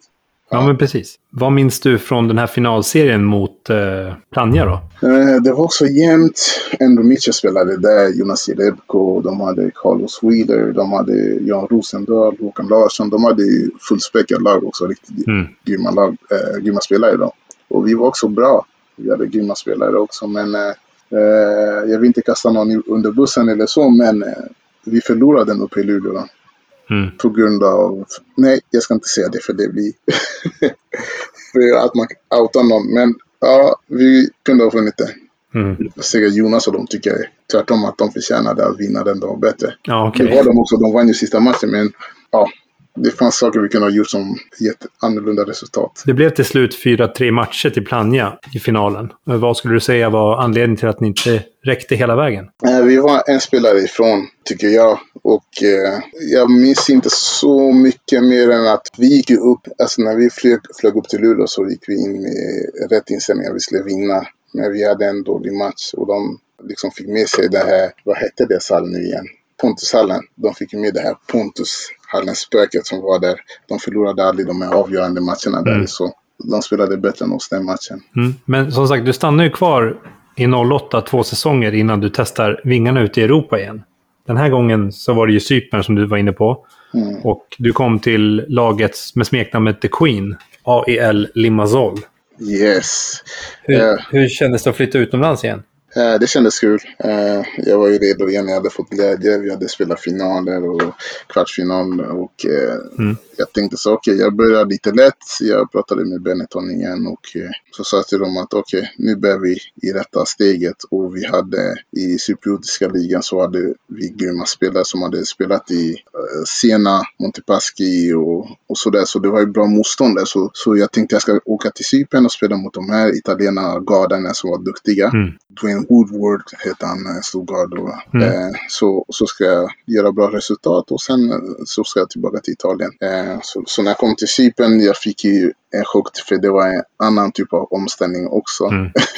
Hur livet är där och klubbarna var där också. Hur var boendesituationen då? Hade de fixat en schysst lägenhet åt dig? Eh, ska jag tänka här. Det var, det tog tid för dem att hitta en schysst lägenhet. Det var ju det som var så konstigt och jag fick så en dålig bil också. Så det Mm. var jobbigt för mig att ta mig till träningar. Den dog typ, den blev så överhettad ofta. Så det här, jag bara fuck, ursäkta. Men jag bara vad fan är det här liksom? Var fan har jag hamnat? Men vi hade grymma spelare Ja. eh, som spelade i laget. Bondesituationen var ju strulig som bara den. Mm. Och coachen som vi hade blev ju sparkad ganska tidigt. För där de är kända för att eh, göra drastiska förändringar i Mm. klubben eh, och i, i lagen och sådär. Liksom. Coachen hade ju varit där året innan och gjort bra resultat. Mm. Och eh, nu hade vi börjat lite trögt så då fick han sparken. Och han coachen, jag kom jättebra överens med honom också. Eh, men eh, med boendesituationen var ju kaos så jag sa till dem, ah, okej men då går jag och bor med vår fransman. En stund tills ni hittar en nice lägenhet till mig. Mm. Eh, så det tog tid så fick jag en bra lägenhet och fick byta bil och sådär. Mm.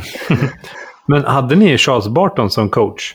Ja, han blev ju coachen eh, som tog över efter eh, jag kommer inte ihåg om vår coach var från Litauen eller baltiska länderna i alla fall. Ja, då fick vi Charles Barton och eh, jag kände bara till han från Sverige att han hade vunnit med massa SM-guld med Plannja. Han hade spelat i svenska Mm. eh, basketligan och sådär.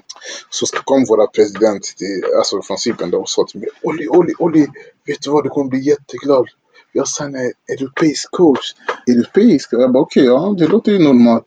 Han bara haha skrattade. Han bara nej han är från Sverige. Så det är din bror, så det är din bror sa han. Jag bara va? Vad menar du? Han bara, oh, Charles Bartman, you know the big coach who was coaching Iris and uh, du vet han hade ju varit överallt och hela. Mm. Ja, så jag bara, oh nice. Och eh, så, så kommer jag ihåg träningen med Charles. Och han skulle ändra på allting. Och då var han så här. Han skulle ju behandla mig lite keft. Alltså dåligt för att vi var från samma land. Och du vet, Ja. alla visste i laget att vi var från samma land. Så han var, han var ju stenhård mot mig. Mm. Så jag var så här, what? Alltså, ja, vi kom inte överens i början. Kan Nej, jag säga okej. så. Så, så. Så pass så att jag ville eh, sticka därifrån och tagga hem eller någonting. Liksom så. Mhm. Och så hade vi möte och pratade ut det och eh, så började jag spela då. Och då Mm. gick det bra för laget också. Vi började vinna, kom långt ut i Europa också. Mm. Hur gick det liksom personligen för dig då? Alltså spelmässigt. Du, här fick du säkert mycket mer speltid än i Italien. Ja, ja, ja jag, fick ju, jag fick ju spela. Jag startade många matcher. De flesta Mm. matcherna. Och, och så, men Charles, det som jag inte gillade, som jag inte kom överens med honom, det var att han tog ju... Han ville att jag skulle spela bara typ försvar. Mhm. Jag fick inte spela point guard, för vi hade en grym eh, amerikansk point guard då, som hade spelat i NBA och sådär. Så han, alltså, Charles är ju, han är en grym eh, människa och sådär, men han ja, prioriterar i alla fall han. Mm. Eh, så då skulle han ha bollen, då skulle han göra mycket för laget. Ja, så må, många skulle bli typ som en form av åskådare och catch and shoot. Eller Ja. så liksom. Mm. Och, eh, och det klickade inte med mig också. Nej, okej. Mm. Och många andra i laget också. Men, Mm. Men det blev ändå ganska bra. Ehm, ni vann ju inte ligan det här året, men Limassol vann ju Cypriotiska supercupen. Och, Ja, det stämmer. Det, det, var ju, det var ju stort. Alltså Cypern, det var ju stort sådana här matcher. Vi kom ju långt. Vi kom ju inte bara vann kuppen och så, men vi kom ju också långt ut i Europa. Eh, vi kom ju till final, eh, final six tror jag vi var i. Och så fick jag de här muskelbristningarna igen. Mhm. Och jag var ju en av nyckelspelarna. Eh, även fast jag fick inte spela eh, som jag brukar spela då. Så var jag ändå. Jag spelade jag oftast eh, försvar på lagets, eh, alltså motståndarnas bästa anfallare. Mm. Så jag fick ju lite mer utrymme men så drog jag på mig de här muskelbristningarna. Mm. Två gånger också. Jag försökte. Det gick inte. Så, så fick jag en spruta för att klara av att spela. Men det gick inte ändå. Mhm. Och så förlorade vi med få poäng då. Så vi åkte ut. Men det var ändå stort. Och det, det var ligan då? In, inte ligan. Vi spelade ut i Europa också. Ja, just det. Mm. Du, du pratar om eh, Fiba Eurocup, Precis. som det hette. Yes. Det var ju inte Eurocup som, det, som på den tiden hette Julev Cup, utan det här var ju en annan liga Precis. som sen bytte namn till Euro Challenge, om jag inte minns, missminner mig. Eh, ja, precis. Det stämmer. Men du, ni var ju i Final Four då? Ja, precis. Och- Vi var Final Four eh, Final Six. Jag blandar alltid de här. Ja, nej, ni var i Final Four och sen spelade ni om tredjeplatsen mot eh, Tartu. Precis. Och vann faktiskt. Ja, precis. Det gjorde Ja, vi. det måste ha varit en... Alltså det var väl... Själva Final Four var ju till och med i samma stad. Jo, hos oss. Ja, men precis. Yes. Ja. Vi fick flytta arena till en större arena. Ja. Ja, alltså det var ju galet. Det var då jag fick liksom se cypriotiska fansen hur de riktigt var. Ja, De här matcherna för oss då. I inhemska ligan så så var det också kaos. Jag kommer, ihåg vi, jag kommer inte ihåg mot vilket lag det var. De, de försöker alltid psyka motståndarna så vi hamnar i deras arena och vi kommer ur, ut ur spelartunneln. Vi ska in på planen och de börjar spotta på oss och kasta mynt och sådär. De är helt tokiga de. Mm. Eh, så vår amerikan blir skogstokig. Han var big guy. Så han gick upp till läktaren och liksom skulle slåss liksom så. Mm. Och de här väktarna som finns runt arenan för att skydda spelarna och så han inte. eh, Alltså det var för få. Mm. Så vi var ju uppe och slogs i läktaren innan matchen. Alltså det var ju kaos. Ja, det var riktigt kaos. Och sen efter eh, matchen så hade vår spelarbuss blivit sönderslagen. Och, oj, oj, oj. Ja, det var helt kaos. Ja. Men det var ju också eh, rolig resa. Mm. Händelserik. Eh, men eh, klubben i sig var ju stor i Cypern men väldigt oproffsig. Mm. De flesta klubbar är så i Cypern. Ja, det var okej. så i alla fall då. Ja. Med sina betalningar med spelarlöner och lova mycket saker som inte de höll. Och Ja, alltså, arenan som var skitiga, planen var skitig så det var som att åka skridskor innan matcherna Mm. eller på matcherna. Så det var ju väldigt tråkigt att spela på grund av de omständigheterna. jag fattar. Mm. Ehm, men du, efter det här så drar ju du hem till Sverige igen. Och den här gången blev det ju Sundsvall. Ja, precis. Hur hamnade du i Dragons? Eh, Peter Öqvist, han tog kontakt med mig och vi pratade och sådär. Så ville han att jag skulle komma och spela i Sundsvall. Och de flesta klubbarna då hade inte heller cashen för att betala, betala mig så att jag kände att det var okej. Eh, och jag hade ju som stor skada där i Cypern och jag kände samma sak igen liksom som, som innan där när de försökte få mig att spela. Mm. Eh, även fast jag var skadad. Och jag kände så här, nej alltså. Nu är jag trött på det. Nu går jag hem och spelar bara och försöker ha kul och njuta liksom och vinna och så. Så då gick jag till Sundsvall eh, för de tog kontakt med mig och Adam Alexander var redan där. Och eh, Mike Palm var där och Jocke Kjellbom var ju där. Så det var ju så här, det var ju bra klubb. Mm. Leslie hade varit där och spelat innan. Mm. Och man hörde lite strul och sådär men det oftast att det fixade sig. Mm. Men du kom ju säsongen efter att Scottie Pippen var där. Och hur skulle du beskriva truppen som Dragons hade den här säsongen? Eh, Dragons var ju bra. Eh, Dragons var ju igenkänd i Sverige att, att de satsade och försökte alltid vinna. Mm. Det här året var truppen lite mer explosiv om man säger så. Mm. Vi hade en annan amerikansk guard. Man körde med två point guards då. Och så hade vi Mike Palm och så hade, så hade vi finsk spelare, landslagsspelare i Hollander. Hollander. Eh, Så vi var ju stora fast explosiva ändå. Mm. Eh, och eh, Peter Öqvist hade visionen att vi skulle spela snabb basket. Mm. Eh, så så det var ju, vi såg lite annorlunda. Och sen under säsongens tid så flyttade vi på amerikanska garden och så kom Subotic in och eh, så hade vi Liam Rush. Liam Rush, Alex Westby. Ja. Eh, vi hade ju värsta spel, alltså laget. Adam Alexander. Vi hade skön trupp, riktigt skön trupp. Och Doug Thomas som hoppade till månen. Ja. Eh, alltså vi var ju, vi var ett grymt lag. ja. Hur var lagkemin då? Eh, Lagkemi var ju dålig i början. Vi, vi, vi hade ett grymt trupp men vi kunde inte producera som lag. Så Vi hade grymt spelmaterial men vi, vi klickade inte bara. Vi hade dålig gameplan tycker jag. Mm. Eh, som behövde förändras. Coachen hade tänkt annorlunda med, för vissa av dem hade varit där innan och han hade svårt att göra förändringarna då. då. Eh, Men när vi gjorde de här förändringarna och fick med mig mer i spelet och Mm. så fick vi in Liam Rush och och fick inte av timern så blev vi helt plötsligt grymlag som var typ botten, andra, sist till att uh, vinna SM-guld. Mm. Uh, så det var också grymt. Uh, det där var ju, det var ett tufft år mentalt. För vi var ju bra, men vi kunde inte bara vinna. Vi kunde inte avsluta matcher. Men du, motståndarna då? Hur, kände du att liksom, de hade extra mycket respekt för dig efter dina vändor i Europa? Um, ja, absolut. Uh, de flesta lagen alltså, körde alltid hårt mot mig. Mm. Man försökte göra olika taktik då för att uh, bromsa ner mig. Deras uh, taktik var ju oftast att försöka få mig bort från korgen. Då, sagga av mig och låta mig skjuta så mycket som möjligt. Mm. Så det visste vi om. Mm. Det stoppade in. Du gjorde ju en riktigt bra match i den andra kvartsfinalen mot Södertälje som slutade 97-76 där du droppade 25 poäng och dishade ut 11 assist. Och sen bjöd du på en segerdans i mittcirkeln. Kommer du ihåg det? uh, ja, uh, man måste bjuda lite på sig själv. Jag, som sagt, jag, jag var alltid en spelare som gillade showa. Uh, ja, lite Shaq-inspirerad kanske, eller? Ja, lite Shaq-inspirerad. Ja. De andra som jag såg upp till, de gjorde inte äh, riktigt samma saker. Nej. Men äh, i alla fall, det var mitt mål. Så, och när man hade flow i matchen, det, det var kvartsfinal. Vi spelade mot en superbra klubb, äh, bra motståndare som Södertälje. Ja. Äh, med Thomas Massamba och de andra gänget där. Jag kommer inte ihåg Mattias Göran som var också där. Men, men det var i alla fall bra motstånd. Så då, när de fick smaka på stryk, var jag tvungen att bjuda på dans också för att vara lite snäll. Ja, eller hur? Ja. Det sägs att du är en riktig fena på att dansa. Liksom. Vilken dans ligger dig varmast om hjärtat?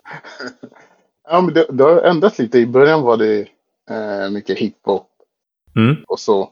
Och nu har det blivit mer mot eh, afrobeat. Eh, jag lyssnar Mm. fortfarande på hiphop, eh, ganska rap. Jag är lite öppen om man säger så. Ja. Jag lyssnar på hårdrock också, vissa låtar. Eh, Mm. så. Men eh, musik ligger ju väldigt nära mitt, mitt hjärta om man säger så. Ja. Eh, så eh, innan matcherna så lyssnade jag mer på hård musik. Och då oftast de här gangstrarna, de brukar inte dansa om man säger så. De som lyssnar på hiphop, de brukar vara mer laid back och lite tuffa så. Men jag använder den musiken som var lite tuff och Ja. uttryckte det med dans. Ehm, men när får man se dig gå loss i Let's Dance då? All, äh, du, aldrig. ja, mina tankar har inte gå- gått så långt. Nej, Eh, okej. Men man vet aldrig, man vet aldrig. Om jag får en, eh, ett mail eller så och de säger att de vill ha mig på Let's Dance, då kanske jag kommer in där och spicea till om man säger till. Det hade varit nice. Ja. Alla som lyssnar på det här avsnittet, mejla till Let's Dance på en gång. Ja, och, Ja. och, och så, ja, vi får se. Säsongen blir ju verkligen en succé. Kan du berätta lite om slutspelet och finalserien? Eh, finalspelen är, alltså vi var ju bättre lag. Solna hade så, vi spelade final mot Solna Vikings. De hade avig lag, de var inte långa. Alla de var ganska jämnlånga, Ja. eh, cirka två meter då. Eh, och eh, deras point guard, jag, jag tror han hette Johan Sten, han var extrem högerhänt. Mm. Med skicklig högerhänt. Det spelar ingen roll om man går med vänster, men han, avslutade i alla fall. Um, hur som, vi, vi trodde faktiskt vi skulle vinna tidigare än vad vi gjorde. Det blev ju sjunde avgörande matchen i Solna, Mm. i Solna som vi vann då. Just det. Och i den matchen så, så kom jag Pontus. Pontus som är coach i landslaget. Han, Mm. han sa till mig, Olli, jag har de här röda skorna. Det var du som har dem. Jag vill att du spelar med dem idag så det kommer att vara bra match. Eh, röda Nikes. Ja. Så jag satte på mig dem och sen spelade jag. Så hade jag trög start faktiskt utav matchen. Jag var sådär medioker men och vi ledde. Så kom Sona tillbaka och gick förbi oss. Och vi hade hamnat i en dålig svacka som vi hade svårt att komma ur. Mm. Och eh, då tog jag över där så började jag göra en ones, alltså attackleja på kontakt. Mm. En one, satte några skott och sen tog jag bara över ännu mer helt och avgjorde eh, finalen. Mm. Ja, det måste vara en mäktig upplevelse. Ja, det var mäktigt för det var ju hemma i såna, såna hallen och Ja. familjen var där, vänner var där, arenan var fullproppat och det var jämn i matcher och så det var ju grym. Men jag är en vinnare. Jag, jag har alltid varit vinnare. Oftast där jag varit har det alltid slutat med att vi har fått en medalj. Mm. Eh, så det, jag hade det i mig. Jag trodde aldrig jag skulle förlora. Mm. Du åkte ju på en knäskada också under slutspelet. Eh, Kan du berätta lite om den? Ja, det var ju två matcher innan det till och med, innan avgörande matchen. Mm. Så, så, så gick min menisk eh, sönder igen då. Och, eh, och jag kände bara det var fel för när jag hoppade. Jag kunde fortfarande göra liksom de här windmill och sånt där, dunkar. Mm. Men jag kände att det var fel och jag pratade med Peter. Jag sa till henne, alltså det känns inte bra. Jag, jag har ont i mitt knä. Men jag, jag hoppar okej, okay, men jag känner att det, jag får inte samma fart när jag springer. Jag får inte samma explo, explosiva rycket. Mm. Så sa han nej. Han bara nej, jag tror inte det är någonting. Så sa jag, ja men jag vill röntga det och sådär. Så sa de till mig, ja men vi, vi väntar och gör det tills SM är över då. Mm. Och jag ville göra det tidigare men eh, så visade det sig att min menisk var trasig och jag spelade med det. Okej. Ja, och gör det bra. Tänkte vi kunde lyssna lite på vad Radiosporten och Jonte Karlsson hade att säga om din insats under finalserien. Det har varit en helt underbar SM-final när det gäller dramatik och när det gäller trycket inne i Solnahallen. Nu har man öppnat en sidodörr här och publiken börjar gå. De delar uppenbarligen min uppfattning om att när Sundsvall snodde den där returen under egen korg, då avgjordes också den här matchen. 74-69, 5,2 sekunder kvar. Och nu Kenneth, nu tror jag att SM-guldet eh, går till Sundsvall. Eller rättare sagt, jag är övertygad. För det står 75-69. Det skiljer alltså 6 poäng. Nu skiljer det fortfarande 6 poäng för Adam missar sitt andra. Men det är 3 sekunder kvar och Dombliauskas missar sin trea. Där är det slut! Peter Ökvist går fram och kramar om motståndarcoachen Pekka Salminen. Sundsvall har vunnit sitt första SM-guld i en lagsport. En stor lagsport ska jag kanske tillägga. Vad säger vi om Sundsvall? Sundsvall har gjort en fantastisk säsong. Började eländigt. Låg under, låg långt ner i tabellen. Många raka förluster. Värvade australiensaren Liam Rush och sedan dess har man varit de bästa, det bästa laget efter jul. Har ändå haft en stor mental barriär som man har varit tvungen att gå över. Just det här att man aldrig har lyckats vinna. Och det var väldigt mycket tuggummi, knäck i lurar och vad ni vill.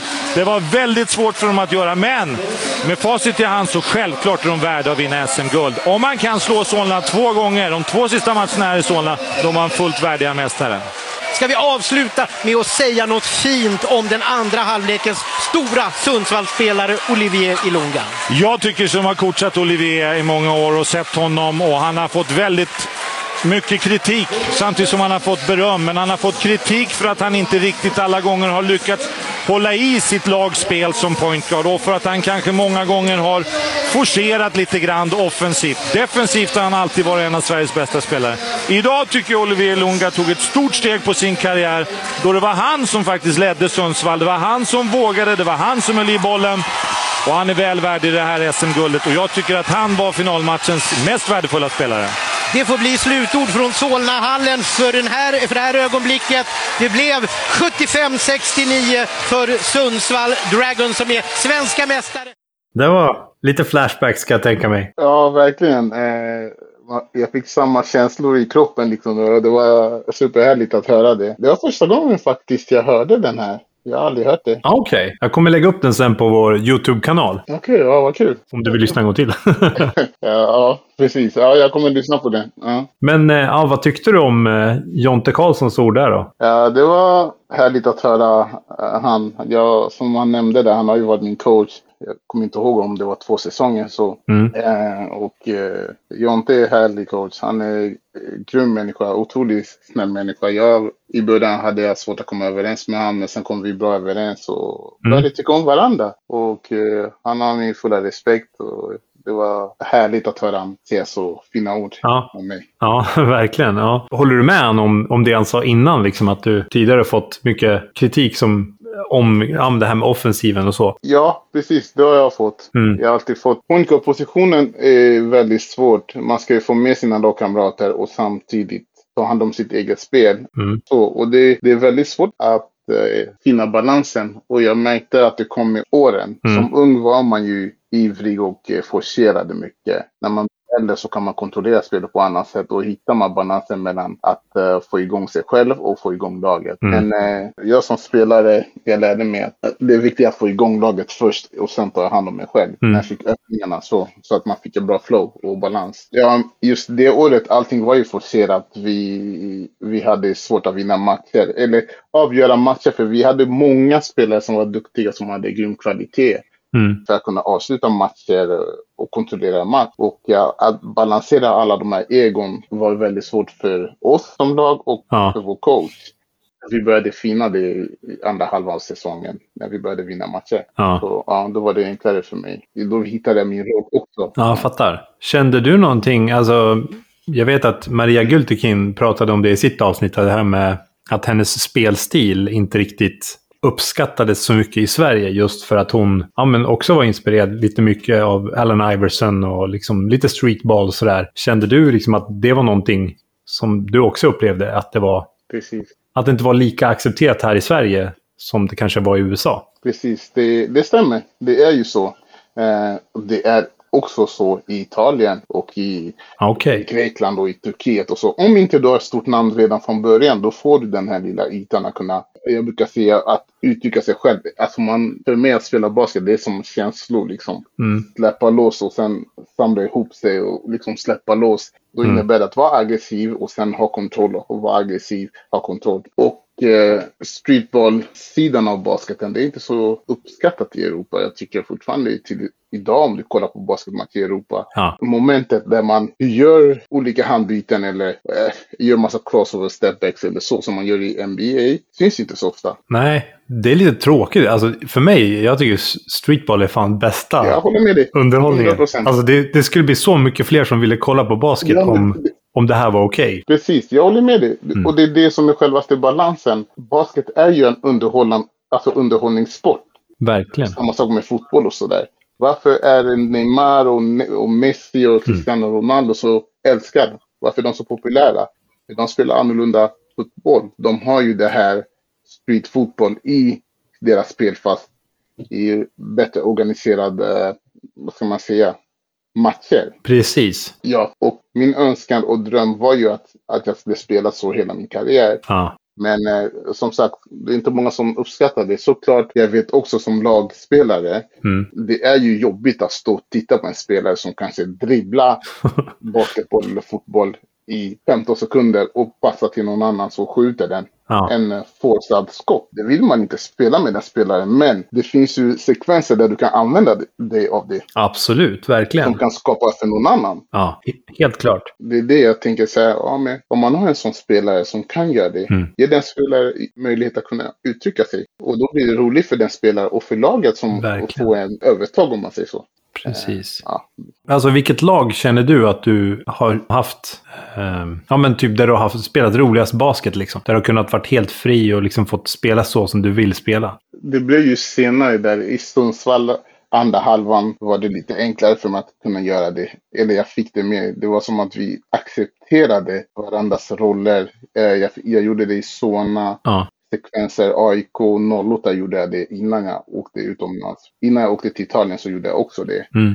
Jag kommer ihåg, jag, jag gjorde en Wheeling Traffic i, i semifinal mot eh, Helsingborg. Aha. Ja, det, det kom ju bakre ringen, men ändå. Sådana där saker. Jag fick ju göra sådana saker, till exempel av Jonte Karlsson. Ja. För han visste att jag var bra på det. Mm. När han sa att lite mer hitta sekvenser där jag kan göra det. Ja. Eh, Så för det mesta kunna göra det i Sverige och i Cypern då. Ja, nej, men det är ju så roligt när man är kreativ på planen. Alltså, det blir ju en helt annan känsla. Ja, precis. Det, det var ju min styrka egentligen. Det, det och försvar. Ja. Eh, det, att vara kreativ. Mm. Så, och publiken gillar ju det. Och det är underhållande. Det är därför man tittar på basket på tv eller går på basketmatcher. Det är Ja. inte bara för att se pick and rolls och pull-up treor från halva plan då, nu som de skjuter. Ja, ja men precis. Men eh, det är ju liksom lite show, göra bort en försvarare, snygg pass, Mm. lång trea. Det är, det är basketdunkar, Mm. basketgodis. Ja, verkligen. Eh, både du och Adam Alexander var ju med och vann ett guld med 08 Stockholm 2001. Men hur kändes det att vinna ditt andra SM-guld som också var Sundsvall Dragons första någonsin? Ja, det var jättestort. Eh, Sundsvall hade aldrig vunnit SM-guld. Mm. Självaste grejen, jag kommer ihåg Peter Öqvist, han sa alltid så här till oss. Grabbar, föreställ er att vi har haft sån tuff start av säsongen. Vi har förlorat många matcher. Men när det vänder, vilken historia det blir. Och sen om vi går hela vägen till final och sen vinner vi i bucklan. Förstår ni hur stort det är? Och hur härligt det kommer vara? Alltså vi kommer vara kungar. Mm. Och, eh, och det var exakt så som det blev Ja. som man lyfte. det var, det var stort. Mm. Jag menar, jag var ju med i början av säsongen när vi hade, eh, första halvan av säsongen när vi hade svårt att avsluta matcher. Mm. Vi kunde börja bra matcher, äh, matchen och sen förlorade vi ändå. Mm. spelar ingen roll hur, hur grymma vi var, men vi, vi kunde inte bara stänga matcherna. Och det var ju mentalt jobbigt, fysiskt jobbigt också, för vi fick ju äh, träna ännu mer för att vi förlorade matcher. Äh, jag menar, jag förstod också varför vi gjorde det, för han visste inte hur, han skulle gå tillväga heller. Men ja, men det kändes otroligt stort. Jag var ju så glad. Adam var så glad också. Hela laget var så glad. Mm. Eh, Jag var ju speciellt glad för att jag vann ju med Adam och sen jag vann i Solnahallen, alltså Stockholm, så är det Ja. eh, min huvudstad och familjen var där och vänner och så. Mm. Det var ju supergrymt att få, alltså att jag kunde avgöra Ja. i en så pressad situation framför familj och vänner. Ja, verkligen. Efter den här liksom, säsongen så väljer du att än en gång åka utomlands. Och återigen är det Cypern som blir din hemadress. Kan du förklara lite för lyssnarna hur du hamnade i Essa Ngomis? Jag skulle ge det en chans till. Det, jag fick ju mycket bättre pröjs Mm. eh, utomlands än att vara hemma. Så det kändes som att, eh, att ta den tillfället eh, var perfekt Ja. när man har vunnit SM-guld. Mm. Jag ska ge det en chans till och se hur det blir utomlands. Nu kommer min dotter in. men, ja, så jag tänkte, nej men nu kör jag, jag ger det en till chans. Eh, jag skulle gå, alltså gå igenom en liten operation då. Mm. På knät där som jag Just det. drog på mig i finalen. Ja. Eh, så det kändes som att, ja, nu kör vi igen. Nu gör, nu gör vi det försök Mm. och ser hur det blir. Så då tänkte jag, ja men det blir bra med Cypern. Det är perfekt. Jag har varit där förut. Ja. Jag vet hur tråkigt det kan vara. Men det är en ny stad. För det var ju en ny stad. Jag var andra sidan Just det. av Cypern. Mm. Innan så var jag i Limassol. Nu var det eh, Nicosia. Och eh, ja, så då åkte jag dit. Hur var skillnaden på att vara i huvudstaden jämfört med Limassol då? Ehm, de hade mer bättre utbud, alltså utanför basketen. Mm. Det var mer happenings. Huvudstaden, eh, Nicosia, där, de, de har ju så många klubbar, basketklubbar som spelar där. Så det, det var lite konstigt. Det var flera klubbar som tränar samma arena. Eh, oftast det brukar vara i match bara. Men nu, vi, liksom, vi såg ju dem efter våra träningar och man fick ju relation med dem och så. Ah, okej. Då hade man derby mot dem. Det var så här konstigt. Men jag vet bara det är Lakers som har så. Ja, just det.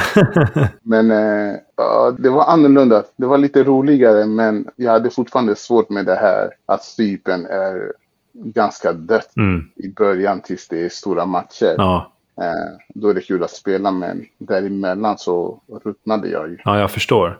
Och, och, och när man har spelat utomlands många gånger i olika länder med landslaget och sådär också. Mm. Och så hamnar man i den situationen så blir det omotiverande. Jag fattar. Alltså basket, vi spelare, vi, vi blir ju taggade på grund av att publiken är där och kollar. Mm. Så att man kan prestera så. Men när man bara spelar inför tomma läktare, det blir som att, att träna. Ja. Ja, och eh, ja, då är det svårt för mig att spela. Typ corona måste ju ha varit riktigt sunkigt. Alltså, som spelare och spela Ja. då. Alltså, fan vad tråkigt. Ja, det, har varit, det är väldigt tufft för hjärnan Ja. mentalt. Det är som att gå och träna dag in dag ut Ja. plus matcherna som blir som träning. Som blir som en pickup game-ish. Pick up, right, precis. Och jag kan föreställa mig hur NBA-spelarna kände eh, när de var inlåsta där i the bubble. just det. Hur länge spelade du den här säsongen? För du blev ju skadad eh, igen, berättade du om Mm. menisken va? Precis, menisken ja. Ehm, jag kommer inte ihåg. Det, det var ju, det närmade sig slutspelet tror jag. Ja, så du missade det roliga alltså? Ja, jag missade det roliga där. Ja, Så jag, jag har dålig minne Ja. från det där. Jag kom, ja. jag fattar. Det var ju tufft. Det var viktiga matcher som vi spelade. Det gick ju bra för oss. Eh, så. Och klubben hade aldrig spelat så där bra Nej. eh, innan. Så det såg ju lovande ut. Mm. Och sen drog jag på mig den här skadan då. Eh, så det var väldigt surt. Ja. Och det blev ännu surare när de försökte hålla undan liksom, Just det. eh, hur stor min skada var. Ja. Eh, så det var tråkigt. Jag, jag har tyvärr eh, dåliga minnen. Mm. Mest dåliga minnen från Cypern. ja, jag förstår. Ehm, du väljer ju att återvända till Sverige när säsongen är över. Eh, hur kommer det sig att det denna gång blev Solna Vikings? Eh, jo, för det var ju för stora knäskadan som jag gjorde och det var inte säker på att, att jag skulle kunna spela Mm. eh, i början av säsongen. Så jag försökte pusha på det och komma tillbaka så jag hinner spela. Då. Mm. Och då var det då är det bäst att vara he nära hemma, nära min eh, doktor då. Mm. Och eh, de sjukgymnasterna som jag hade som är supergrymma, som jobbade då Mm. i Sofiahemmet. Just det. Ja, så jag kände att det var bra att jag var kvar här. Ja. Jag kunde ta hand om min skada samtidigt som jag spelade då. Mm. Jag trots allt kom ju tillbaka ganska snabbt. Men jag var inte hel, så jag var ju mycket Sofiahemmet samtidigt som jag hade säsongmatcher och träningar och så. Ja, okej. Mm. Vad hade du för målsättning när säsongen drog igång? Alltså, jag har alltid eh, som mål att dominera Mm. och eh, spela bästa basketversionen av mig själv. Liksom. Ja. Så mitt mål var ju att komma så långt som möjligt Mm. och vinna. För vi hade bra lag eh, och det gick ju bra. Vi spelade mot Norrköping ja, den säsongen och då drog jag av hälsenan ju. Just det. Ja, så, och det var också avgörande match.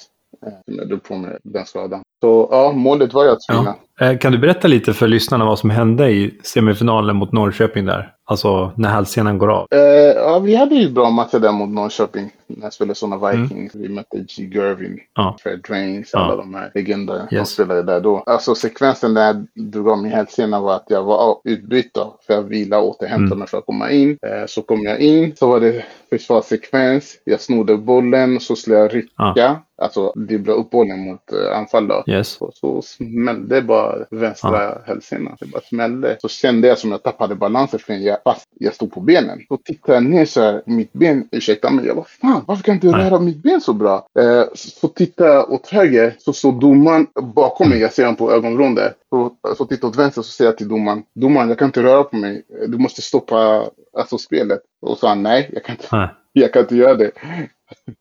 Jag sa, jo du måste göra det och, och försvara den. Jag Ja. tror det var G. Gervin då. Försöker ta bollen. Så sätter jag mig ner med Ja. bollen liksom. Så Mm. blåser han av då. Eh, och så sa jag till honom, jag tror jag drog Ja. av hälsenan och så. Och då kom några lagkamrater och försökte hjälpa mig av planen. Så haltade jag ut. Sa de, så sa de till mig, men strunt i det där, vi bär det bara. Så tog våra amerikaner då. Det var Adam Constantine och eh, Will, vad hette han efternamn då? Ja, i alla fall, de hjälpte mig ut Ja. från planen. Så började det svida i foten och vaden och, Uff. och så. Mm. Och Vad tänkte du när du fick beskedet att hälsenan var av? jag kunde ana att det var av för att det kändes bara skumt. Jag hade, jag hade aldrig känt så förut och eh, Mm. jag tänkte liksom nej, inte igen, nej, inte igen. De här skadorna bara dyker upp hela tiden och Ja. Jag kommer inte längre för att det stoppar mig alltså, hela tiden. Det, var frustration Ja. att jag inte kunde vara hel en hel säsong. Mm. Liksom så. Och man blir väldigt besviken på sig själv Mm. och sin kropp och ja, så liksom. Mm.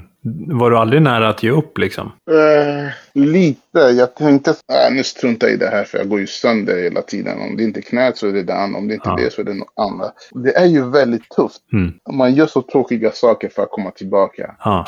Det krävs så mycket av en psyke. Men eh, ja, där jag kommer ifrån så ger man inte upp förrän ja, det är slut. Ja. Så jag tänkte okej, ja, nu ska jag försöka göra operationen så snabbt som möjligt. Ja. Jag ringde samma läkare, doktor som jag hade. Han sa till mig, ja men eh, linda benen hårt och håll, ha benet högt uppe så det inte blir mycket blod nere vid ankeln, eh, vaden och ankeln och så. Ja. Eh, så röntgar vi, om den är trasig så opererar vi direkt. Så, så fick jag tidig tid. Eh, jag skulle gå och köpa de här Descutan, det är speciella tvål som man ska tvätta kroppen inför operation och så. Ja, okej. Eh, Så jag tvättade mig samma dag, foten och allt det där. Ja. Åt inte mycket. Och ja, så kom jag till Sofia hemmet då. Mm. Och där gjorde operationen. Ja. Och så röntgade de så sa de att den är av. Du måste operera. Och du har redan pratat med doktor Lasse så han kommer göra operationen. Ja. Så allting gick så här liksom så här snabbt. Mm. Så då var det bara ja, operation, gips och sen började det, det tuffaste då. The comeback. Ja, just det. Ja, så det var ju två jobbiga veckor där man inte kunde gå för man var gipsad. Mm. Och efter det så var det sån här stövel Ja, som man fick ha på sig, Mm. det gipset då. Och det var ju väldigt svårt. Jag bodde fortfarande själv såklart. Mm. Så att laga mat och ta mig runt till lägenheten var ju som en mardröm. Mm. Man blev kreativ. Till exempel när jag lagade mat så tog jag med mig, satte jag på mig ryggsäck, gick med kryckor till köket. Mm. Eh, lagade mat, satte mig ner hela tiden, försökte ta benet högt upp. Och sen när jag Ja. skulle äta maten så var det likadant. I matlådor, in i ryggsäcken, ta kryckorna till vardags. så, alltså, eh, man tycker lite synd om sig själv när man sitter i den situationen. Mm. När man är så begränsad. Mm. Man har så jobbig skada när man behöver använda sitt ben, men det går ju inte. Nej, men precis. Och att vara stängd i en lägenhet två veckor Ja. i rad, det är också tufft. Mm. När man inte vill det. Eh, jag tänkte på rehaben då. Hur, hur eh, liksom gick det till när du började din väg tillbaka till basketen? Ja, rehabmässigt, det var ju min bästa period när jag fick ju hälsenan. För jag, Ah, jag körde så hårt och jag följde planen helt och åt bra, sov bra. Så jag kom ju tillbaka i bästa form någonsin. ah okej. De var så imponerade av mig för jag var där dag in dag ut. Även fast jag inte hade min sjukgymnast där. Nej. ta hand om mig. Så jag var där ändå och tränade upp musklerna. Eh, inte bara vaden och så, men resten av kroppen för jag kunde inte använda det på samma sätt. Mm. Jag var i tip-top shape. Ja. Eh, för du återvände ju till basketen, men denna gång så blev det 08 Stockholm där du skulle komma att spendera dina två kommande säsonger. Ja. Och när du precis kommit tillbaks, kände du liksom att du var samma spelare som innan? Eller kände du liksom att drömmen om proffslivet var över och att du inte längre var lika bra? Jag kände det redan att det var slut för att fysiskt så var jag superbra form och så men explosivitet hade försvunnit i vänstra benet. Det är min starkaste Mhm. ben som jag hoppade och så. Eh, Ah. Och även fast muskeln var stark, men jag fick inte samma tryck när jag rycka, springa eller hoppa. Och då kände jag bara, ja, nu har kroppen verkligen eh, stängt av. Ah. Jag har gjort absolut det bästa jag kan, men det går inte. Alltså det, det är inte att jag som säger det inte går, det är bara, den gick inte. Och jag tror ehm, i min position som point guard, då behöver man ändå ha den lilla trycket där. Ja. För det var inte min spelstil att liksom att backa upp bollen med ryggen emot anfallskorgen då och sätta upp spel. Jag gillar att faceguarda, spela eh, med ansiktet framåt och eh, genom fint att ta mig förbi min försvarare eller lite hesitation och sen gå förbi dem med ex- explosiviteten då. Mm. Och ja, det blev ju svårare. Eh, Det tog ju längre tid för självaste muskeln att få den där trycket. Ah. Så mina två säsonger där var det mer att hitta balansen, hur jag kunde spela igen Mm. i någorlunda hög nivå utan min kraft, liksom, om man säger så. Ja. ehm, I vårt tidigare avsnitt med Stefan så berättade ju han att ni hade en riktigt bra stämning i truppen. Och att han hade riktigt kul med dig, Jocke Blom och resten av grabbarna. Ja, ja det var ju... ja, vi hade grymt lag då i 08-tiden när Stefan eh, Nujen var med och spelade med oss. Vi hade grymt lag. Vi hade Erkan Inland, vi hade eh, Jonte Persson, Ja. spelaren. Eh, Rudy Memba, Ville Bäck och vi hade um, Azea, jag har glömt, en grym amerikan som var väldigt spänstig. Vi Ja. hade Cody och sen hade vi, vi hade grymt lag. På mig var en grym coach, att han gav spelarna den möjligheten Mm. spela sitt spel och sen var vi för många. Vi, vi var ju sju point guard i laget. Så det blev ju kaos om man säger så. Det var inte dåliga point guards, vi var bra point guards. Ja. Ehm, så vi hade grym stämning för vi kom ändå alla överens utanför banan Mm. och på banan. Men Ja. anyway, det var grym stämning. Vi hade väldigt roligt. Vi spelade bra. Vi, jag kommer inte ihåg hur långt vi gick den säsongen. Ja, jag kommer inte ihåg om vi åkte ut i kvarten eller semin där. Men eh, nej, det var kanske kvarten. Jo, vi fick ju Sundsvall ja. Vi spelade mot Sundsvall kommer jag ihåg nu. Ja, och, och de gick till final det året. Just ja. Eh, Vi hade dem i semi. De hade ju han skytten. Vad hette han då? Att de spelade i Borås också. Från Island. Verkligen grym han den här killen. Ja, de hade ju han. De hade en annan amerikan som var jätteskicklig som jag hade mycket, mycket så här tjafs med. Trash talk på, på banan. Ja. Eh, och eh, en pinsam sak, men det blev ju roligt. Mm. Alltså jag, jag dominerade den matchen. Eh, match mot Sundsvall där i slutspel. Mm. Eh, som vanligt så, så gjorde jag bort dem, så gick jag förbi den här amerikanen. Så skulle jag göra en come along layup, du vet när man har vänstra handen på huvudet och höger layup. Du vet. Ja. Så allt gick jättebra. Alla skrek oj, oj, oj. och så kom jag där in i korgen och hade handen bakom huvudet och gjorde layup. Ja. Så rullade, så rullade den ut. och hela laget garvade. Det blev så pinsamt. Jag gjorde det skitsnyggt liksom. Men ja. sen bara, ja. När man försöker köra för mycket ibland så blir det så. ja. Och jag fick ju höra det där väldigt länge. Till, till och med idag brukar Erkan och Stefan och de dra upp det. Ja, okej. ja. Och jag, jag har sådana historier också. ja. Men du, Stefan bad mig fråga om du minns den här gången när du och Rudy Membas skrämde skiten ur honom och Jonte Persson på ett landslagsläger. Ja, ja, jag, gjorde, ja, jag gjorde mycket roliga grejer. Vad var det ni gjorde? Det är opassande att ta det i det här. Jaha, okej. Men, eh, men jag och Rudy höll på med sånt där hela tiden. Så fort de yngre var med i, i Boshamn för, för det mesta. Eh, då förde vi alltid våra historier och skrämde upp eh, lagkamraterna och sådär. Men vi hade väldigt kul faktiskt. Ja. Och Stefan Okej. var ju skiträdd alltså. Shit, ja. Men det var kul. ja. Det var innan vi spelade, vi spelade i samma lag också. Det var innan det. Ja, okej. Men du, apropå Rudy. Vad jag förstår så, ja, ni hängde ju mycket liksom när ni var små. Mm. Eh, kör, körde ni mycket one-on-one back in the days liksom? Absolut, det gjorde vi. Vi, vi spelade mycket one-on-one. Ja. Vi gick alltid och kollade på varandras matcher. Och vi utmanade varandra. När jag, just det, när jag fick min första kontrakt i eller när jag åkte till Italien så åkte han till Spanien. Okej. Eh, Så han blev ju proffs väldigt tidigt eh, i Spanien där. Mm. Eh, åkte med sin mamma. Mm. Eh, och då pratade vi mycket via nätet och så. För vi, Ja. vi var i samma situation för hans mamma åkte ju hem också. Och han var väldigt ung. Eh, Ja. Så vi pratade med varandra och peppade och sådär. Mm. Jag med så jag var lite äldre än han. Ja. Så, så absolut, vi pratade om, alltid om movesen och hur vi läste spelet och vad han såg, vad jag såg. Eh, hur man kunde utnyttja det. Och eh, likadant i landslagsläget. Jag tycker det var synd att det var Kostas Fle- Flevarakis då, då. Det var inte de andra coacherna som jag hade innan. Det året tror vi kom in i herrlandslaget så var det Kostas Mm. Flevarakis. Och eh, jag tycker det var synd att han inte spelade jag och Rudy samtidigt. De delade alltid upp oss. Aha. Och vi spelade bäst samtidigt. För vi kompletterade varandra. För vi kunde, vi kunde så bra av varandras spelstil. Vad vi tycker om att göra och inte göra. Fattar. Och han var ju också grym i försvar när han väl spelade försvar. Eh, så jag kommer ihåg där vi hade turnering i Finland och spelade mot eh, Finland. Och de har ju de här eh, garden, vad heter han som skulle komma in i eh, i NBA? Finska garden, vad heter han? Det, det är pointgarden. Eh, han, han var stor innan marknaden.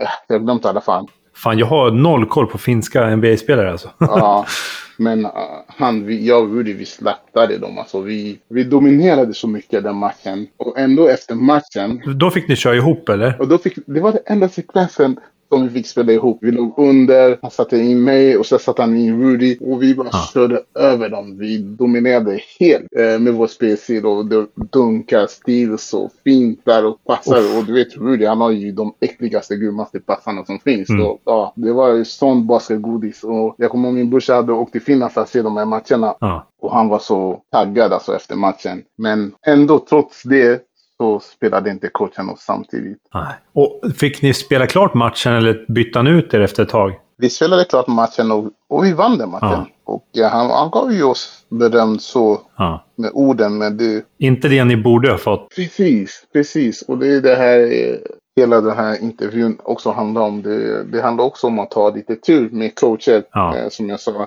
till exempel att Messina inte gillade mig och så. Mm. Om man har en coach som tycker om dig, så kommer han lyfta upp dig. Precis. kan göra misstag och han kan fortfarande ge dig chanser. Han kan ge dig inblick på spelet på annat sätt. Mm. Han kan prata med dig på annat sätt. Precis. Eh, så han gillar det. Så det kändes som Kostas, han hade svårt för oss. För vi var, vi, vi, vi, vi var väldigt busiga om man säger så. Vi var ju jobbiga spelare men vi kunde producera. Vi hade ju Mats och Kenny som spelade då. Mats Levin och Kenny Grant. Ja, just det. Ja, och vi, alltså det var jag Rudy och Kenny och Mats. Oss fyra point guards, vi hade olika spelstil. De två gillade mer att spela sakta, kontrollera, för de är ju den typ av spelare, de var inte explosiva. Medan jag och Rudy spelade snabbt och explosivt. Och Kostas eh, föredrog att spela med dem. Ja. Det passade hans coachingstil så. Men, eh, och sen när det kom till försvar så ville han mer att vi skulle eh, hålla facklan liksom. Mm. Och då kände vi att det var skit. För vi var ändå duktiga spelare. Vi har ju varit utomlands och vi hade meriterna. Men Mm.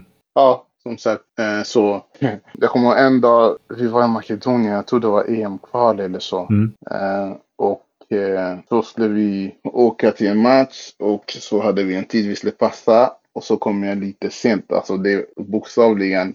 Bussen stod framför mig och de stängde dörren och åkte. Han, ville inte, han, han, han gav mig inte chansen att komma lite sent. Okej. Och då så efter matchen då vi förlorade matchen och så.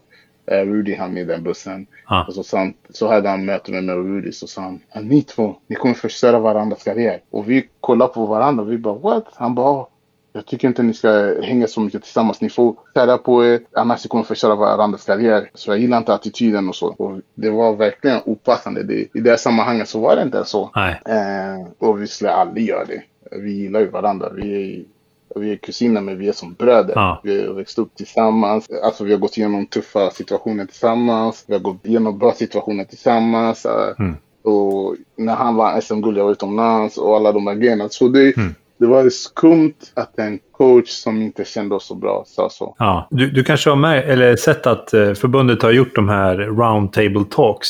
Där de, alltså svarta spelare får prata om liksom, sina upplevelser i landslaget och prata ut om rasism och sådär i landslaget. Mm. Har, har du kollat på dem eller? Ja, jag, kollar, jag kollar på det lite.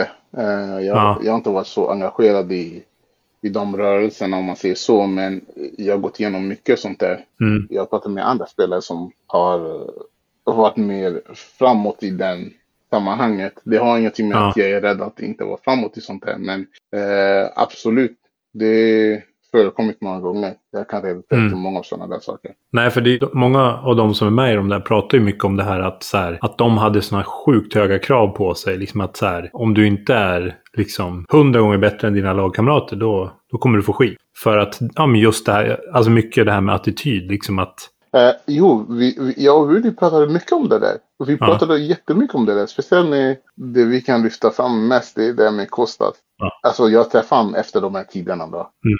Han är jättetrevlig mot mig när han pratar och sådär. Men Mm. vi kände att han verkligen, verkligen ogillade oss. Mm. Han, det var som allting var redan bestämt. Det spelar ingen roll hur mycket vi körde över dem på träningarna. Men det var fortfarande de två som skulle starta. Mm. Så då var det så här, vad är det för mening? Det är väl att när man kommer till ett läger, Mm. de som presterar bäst ska ju spela. ja. Så ska det vara. Så borde det vara, Och absolut. Speciellt när det är spelare som har Mm. liksom meriter och, och namn också bakom. Så ska de spela. Men eh, Ja. det var ju, ja, det, det var surt. Jag tyckte det var synd för att som sagt i landslaget så kände jag att jag inte hade en coach som riktigt trodde på mig. Förutom Janne Enjebo som var coachen då, mitt första år. När jag, Ja. när jag fick massa erbjudanden då när jag var, innan jag var på väg ut. Då. Eh, för även fast det var inte Mm. stora minuter, men de trodde alltid på mitt spelstil och de gav mig de verktygen att göra mitt liksom. Inom lagets eh, regler såklart. Mm. Och, så, och Rudy fick ju den stora möjligheten när, hette han Brad? Dean? Ja, just det. Ja, när han kom in där. Och då fick Rudy spela sitt spel också. Ja. Då gjorde han riktigt bra med Jonas och Mm. gänget där. Och det är det vi säger alltid. Ja, det var synd att vi inte hade de coacherna som trodde på oss. Vi vet inte. Vi fick aldrig höra riktigt vad landslaget hade för vision och mål. Vilka spelare man satsade på. Nej. Man var ju så tyst om allting. ja. Så, ja. Hur, hur upplever du idag då? Liksom, tycker du att det är fler och fler som börjar uttrycka sig eller tycker fortfarande det är ganska tyst? det, det, det finns ju en tystnadskultur inom svensk basket har jag märkt. Liksom, att, precis. Det är ju så. eh, ingen vågar säga något liksom. Det är ju så, det är ju tystnadskultur. Eh, Ja. Och för att man känner, alltså det är så kort sekvens där med landslaget. Det är under sommarperioden när saker och ting händer. Mm. Och sen åker man till sin vanliga jobb, alltså klubben, och spelar en hel säsong då, åtta månader eller whatever det kan vara. Ja, Så landslagssekvensen är ju kort så man typ suddar bort det ganska snabbt om man inte, om man inte har varit med någonting riktigt, riktigt hemskt. ja, Eh, som sagt, vi pratade om det när det hände någonting och sen så gick man vidare liksom. För det var, ja, så. Men eh, när ni körde one-on-one då, du och Rudy, liksom, vilka, vem var det som brukade vinna? Eh, i, I början så var det jag som vann mycket. Och sen i slutet började det vara han. Han var ju bättre än mig på att skjuta. Eh, även fast Ja. han tog mycket mer skott än mig. Alltså mer Mm. avslut än vad jag gjorde. Men han sköt bättre tidigare än mig. Så vann han oftast på 10, men det var riktigt tufft. Det var kul och det var tufft både för honom och mig. Ja. Det var väldigt jämnt. Ni ställdes ju mot varandra också ett par gånger under karriären och sådär. Hur, hur var det liksom att möta honom i match? Det var väldigt kul. Det var ju bra matcher. Eh, Jag mötte han det året jag kom tillbaka från stora knäskadan. Just När det. jag spelade i Solna. Alltså när, samma år som jag drog av hälsenan så spelade vi mycket mot LF då. Då hade de bytt namn. Och vi hade så bra matcher. Jag kommer ihåg en match. Han hade 32 poäng och jag hade 27. Jag vann matchen men han vann ju poängduellen. Ja, Eh, ofta så vann jag mot honom. okej. Mm. Men han var, gjorde mer poäng? Han gjorde mer poäng, ja. Ja, ja det är ju vinna man som är det viktiga. Det är vinna som är viktigast. Ja. Okej, sen när man trashar och snackar skit sådär, att han gör mer poäng, ja det är en annan sak. Men som spelare så var han mer offensiv eh, i sitt spel än vad jag var. Ja. Jag var ju mer lagorienterad. Mm. Men samtidigt skulle jag spela underhållande basket. Men han, jag tyckte han spelade mer för sig själv. Mm. men, men dock när han började spela och passa bollen så, ja, då var det magi. Men när ni körde i eh, 08 här, Ja. det här året tillsammans, eh, fick ni spela tillsammans då? Eh, ja, det gjorde vi. Ja. Det gjorde vi. Men han, det året, det gick så där. För jag tycker att han, han eh, den säsongen så för, fokuserade han mer på att vara offensiv. Så han sket lite försvar. Så det blev, det blev lite dåligt då. Jag fattar. Ja, man måste alltid ha balans. Men de tiderna började han försvinna mentalt från basket om man säger så. Mhm, Eh, jag förstår. Ja. Ehm, hur skulle du sammanfatta de två säsongerna i 08 då? kul, händelserik. Alltså jag menar ovanligt händelserik. Det var, ena säsongen var ju superkul eh, direkt från början med alla spelarna. Mm. Och den andra var lite sämre. Ja, Men det har alltid varit kul att spela i Fryshuset där jag växte upp. ja. Som barn och innan proffskontrakterna började komma och så vidare. Mm. Så det var alltid kul att vara hemma. Ehm, 2013 sen så väljer du att gå till Solna Vikings. Mm. Och hur kommer det sig att du valde att återigen signa med Vikings? Ja, det är samma sak där. Solna, jag hade också spelat mycket Solna. Eh, Klubben tog alltid med mig öppna armar. Mm. Och jag kände många spelare där. Det var kul. Det var också som mitt andra hem. Ja. Eh, om man säger så. Om vi hoppar tillbaka och pratar lite om landslaget igen. Eh, vilken är den bästa match som du har gjort i landslagssammanhang, tycker du? Ehm, bästa, jag skulle säga mot eh, Italien och sen var det mot Ryssland. När de hade Andrei Kirilenko som spelade i Utah Jets, kommer du ihåg han? Nej. Det är big guy. Han var power forward, small forward, ryss. Okej. Som blockade, gjorde massa poäng och sådär. Han var grym, Andrei Kirilenko. AK-47 tror jag de Ah, för. Ja, det var bland min bästa match. Vi spelade mot Ryssland, CSKA Moskvas Mm. hemmaplan. Och vi, vi hade svårt att spela mot dem och så blev det inbyte. Likadant där, jag var ju aggressiv och sådär. Och han var ju känd för sitt försvar. Han var en allround-spelare. Ja. Blockade, gjorde assister, gjorde poäng och så. Och ganska dominant så i NBA också. Så vi spelade mot dem och han var där. Han är ju Golden Child i Ryssland. Han, hade, han skulle spela liksom i Ja. kvalen där. Och han kunde inte blocka mig. Jag tog alltid tack emot han. Så hoppade vi upp så tog jag kontakt och knuffade han lite Ah. i luften. Så han kunde inte hoppa rakt upp. Så det blev som att han hoppade lite bakåt när han skulle avblocka. Och så la den över han. Han bara hey, come on, rep this charge hela tiden. Det är så. Och domaren bara nej, skaka på huvudet. Och han tyckte det var så jobbigt. Och så började snacka med honom. Liksom. Jag bara, hur känns det? Du spelar i, i världens bästa liga och du kan inte ens stoppa mig som spelar i Sverige. hur känns det? Och han var så förbannad. ja. ja, det var kul. ja. Vi förlorade matchen dock. Men... Ja, Okej. På vilka sätt eh, skiljer det sig att spela i landslaget jämfört med att spela i ett klubblag? Landslaget, eh, för mig var det mer att jag fick inte ut, alltså expressa mig som spelare. Eh, jag fick inte den förtroende av en tränare. Nej. För att kunna spela som jag brukar göra. Mm. Och grejen är, jag, jag, min spelstil funkade ute i Europa. För den var lite unik Mm. i det sättet att, att oftast en guard ute i Europa gör inte så mycket sådana saker som jag, spelar, eh, som jag gjorde när jag spelade. Nej. De spelar kontrollerat, använder sin pick and roll och sen gör den dishen som är öppen. Just det. Den passen. Ja. Och jag var tvärtom. Jag, jag spelar fortfarande pick and roll men jag var mer aggressiv mot big guys. Ja. Drog på mig två, en, två försvarare, sen disha då. Ja. Om inte jag gick hela vägen och avsluta. Mm. Och det, det var det som var skillnaden i min spelstil. Men jag kommer ihåg Messina sa alltid till mig, ja men du kommer in för djupt. Här ute i Europa i de här stora ligorna spelarna är längre så jag vill att du kör mer pull-ups. Men samtidigt, jag fick inte göra det. För jag skulle alltid se till att laget, alltså att jag utnyttjade pick and rollen och dishade vidare. Ja, ja. Eh, vilken spelare skulle du säga är den bästa medspelaren du haft i landslaget? Med spelare. Vi har haft eh, många riktigt sköna spelare. Mm. Om jag spelar med i landslaget. Blom, Micke, Lindqvist, Rudy. Min kusin tyckte jag spelade om mycket. Ja. Eh, men Lukas Kjellbom gillade att spela med också. Hisham Maråker. Mm. Martin Ringström också. Vi, alltså vi spelar som, det var som vatten. Alltså, jag och han pick and roll, det var ju game over. Eh, det är svårt att säga. Leslie också spelade jättebra tillsammans med. Mm. Men om jag ska välja Nej, det, det borde ju faktiskt. För vi hade roligast tillsammans på planen. Mm. Ja, jag fattar. Vilken är den bästa motspelaren du haft i landslagssammanhang då? Som du mött? Eh, Åh, oh, just det. Kommer du ihåg, eh, han heter Jessica Vicius. Kommer du ihåg han? Han från Litauen. Nej. Alltså, Garden. ja. Alltså. Jag kollar inte så här jättemycket på, på den här tiden på basket. Eh, Okej. så jag kommer lite senare. Men Ja, ja. Han var supergrym. Han kom också in i NBA. Jessica Vicius. Ja, han eh, litauisk guard. Eh, grym spelare. Han hade läckra passar, men han var inte explosiv. Ja, okej. Han kunde skjuta, han hade snygga passar, bra moves. Stor spelare i Europa, du kan kolla upp det sen Ja. efter podden. Eh, eller intervjun. Men han, mot Litauen, var bland de bästa matcherna också. Jag dominerade också den. Ja. Jag tror jag gjorde 20 poäng mot dem. Jag kom från bänken. Ah. Och det här var så här en, eh, en turnering, eller det var OS-förberedelse. Och de hade stor firande där Litauen. De hade kommit ut med deras superlag. De hade de här långa spelarna. eh, Ramona Siskauskas, Marciauskas och så var det han som var stora stjärnan. Ja. Pointguarden som jag spelade emot. Och de slaktade oss. så kom jag in där så dominerade jag. Ja. Och jag gjorde bort han. Jag sköt över den här stora killen flera gånger. Mm. Eh, Och fick matchen slirade. Jaha. Det var också en stor match och folk bara gick efter mig efter matchen. Och, ja, det var i alla fall kaos.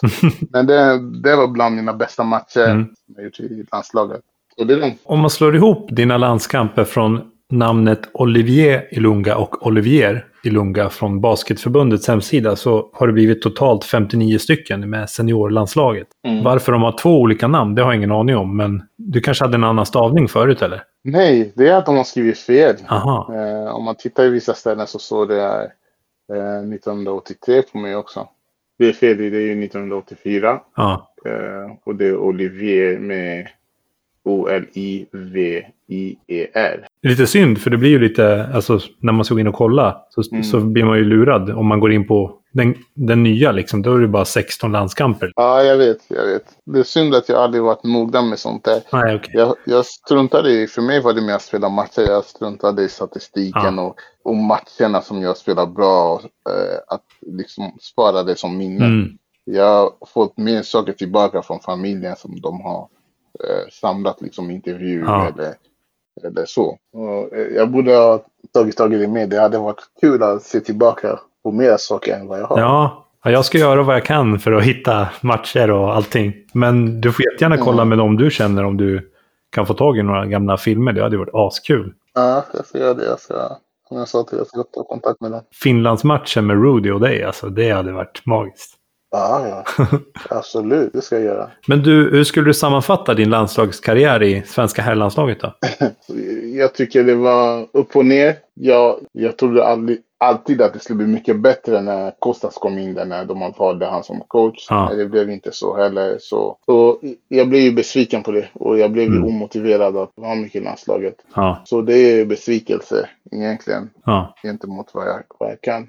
Eller vad jag kunde, Mm. tycker jag. Då, innan du började i herrlandslaget i Sverige, Mm. jag vet ju att sociala medier var inte så stort, men Mm. var det någon från Kongo som liksom försökte få dig att välja Kongo? Jo, de tog kontakt med min pappa då.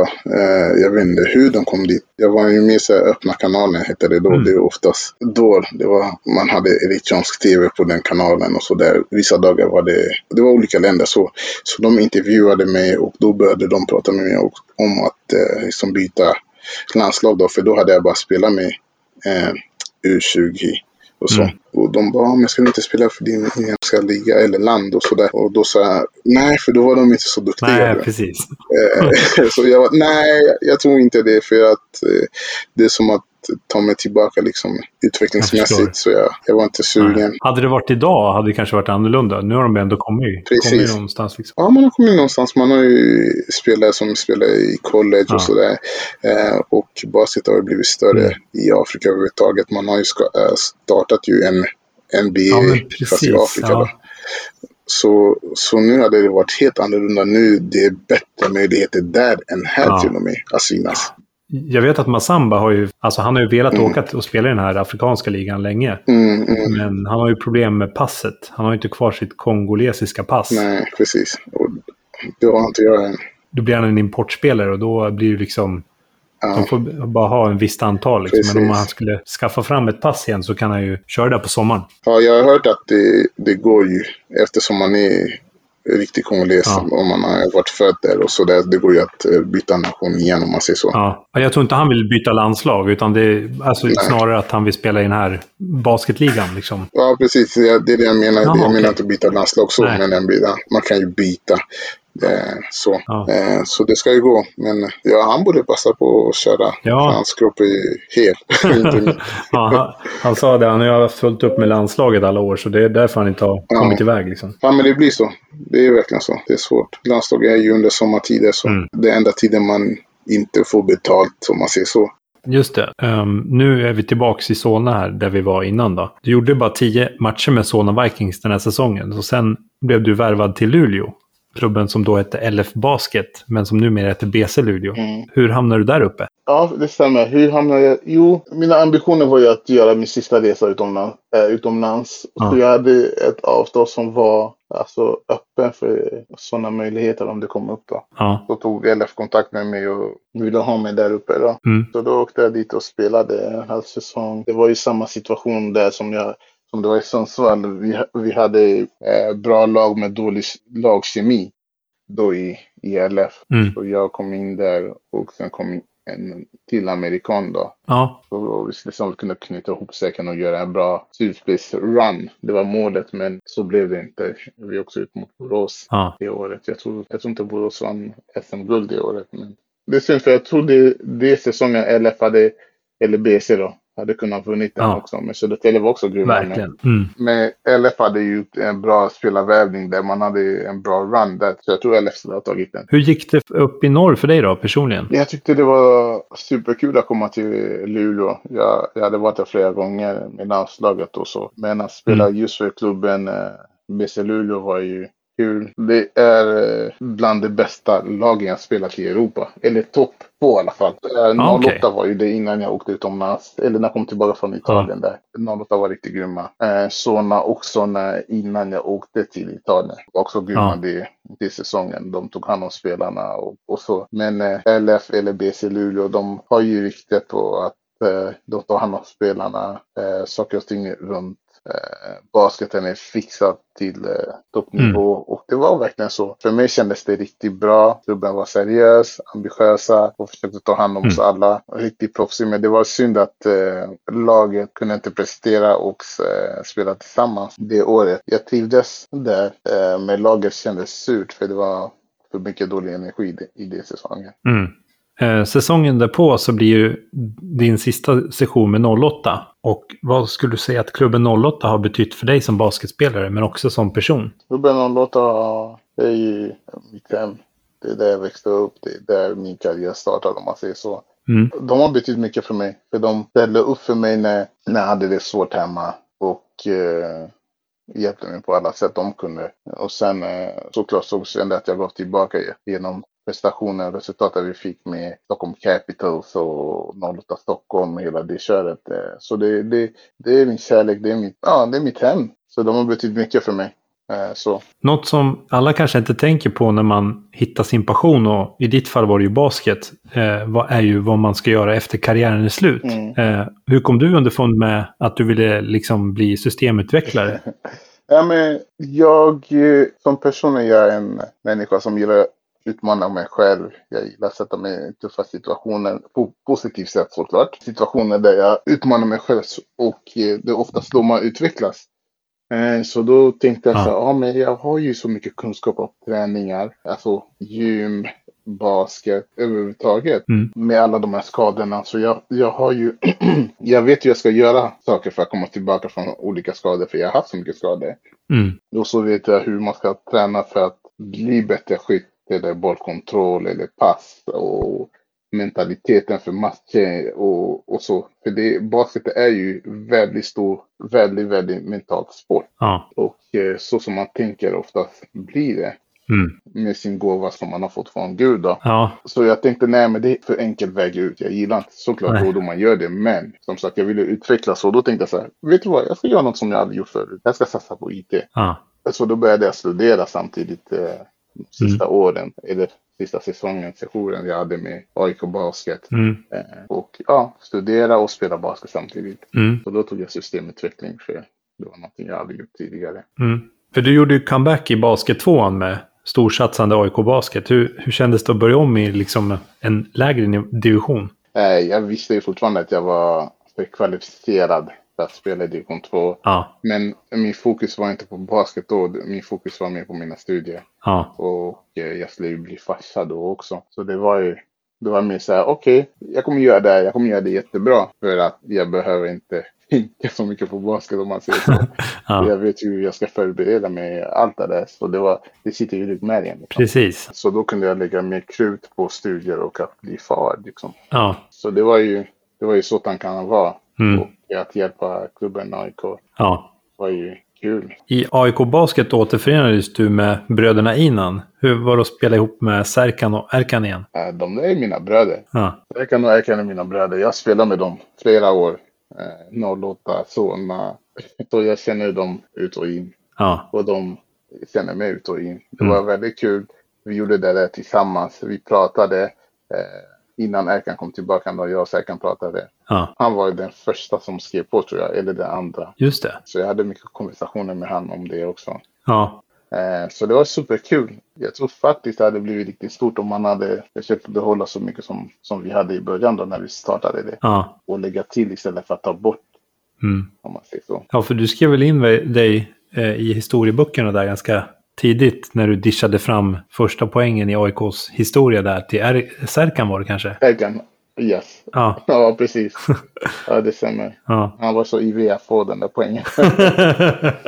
ja, skönt att du fick discha fram den då. ja, precis. Mm. Ja, men för mig, det var ju kul så för mig var inte det som var viktigast. För mig var ju att spela underhållande basket och Ja. att vi skulle vinna som lag. Fattar. Eh, att vi skulle dominera för vi var ändå väldigt bra för att spela division 2. Du, jag har faktiskt en hälsning här från Erkan som jag tänkte att du skulle få lyssna på.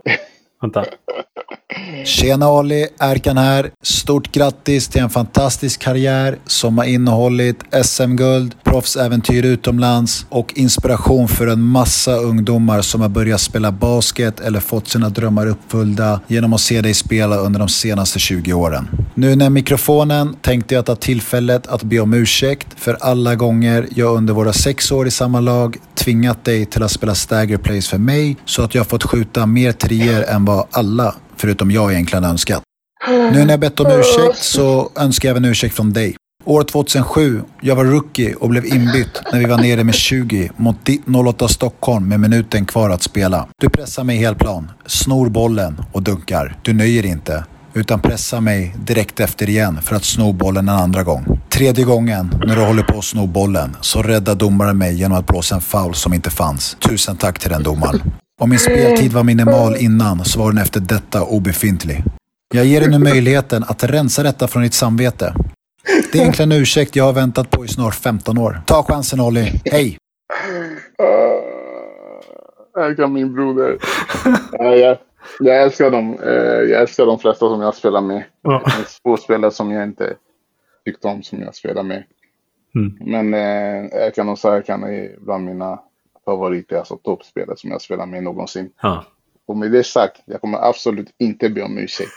För det finns ingenting som heter var snäll. Okej? Som sagt, vi, jag, när jag spelar, jag ville spela hela vägen in till kaklet. Det var inte liksom innan kaklet för att stanna. Nej, jag skulle gå igenom den också. Ja. Det var som min mentalitet var. Och det spelade ingen roll vem man spelade emot. Um, Okej, jag borde ändå ha varit snäll mot. Nej men eh, som sagt, jag, var ju, jag gillade att underhålla publiken och mina lagkamrater så jag tänkte ja, nu ska jag bjuda på dunk när den här Ja. unga rookie kommer in här med bra confidence Ja. som han har tills idag. Och då, ja, då blir det så. Ja. Så jag kommer inte be om ursäkt. Jag kan, jag är ledsen. Du är min broder, jag älskar dig. Men jag kommer inte be om ursäkt. Du får ta mig. Du får spela mot mig nu. Och göra samma sak på mig istället. Han var helt säker på att du skulle be om ursäkt.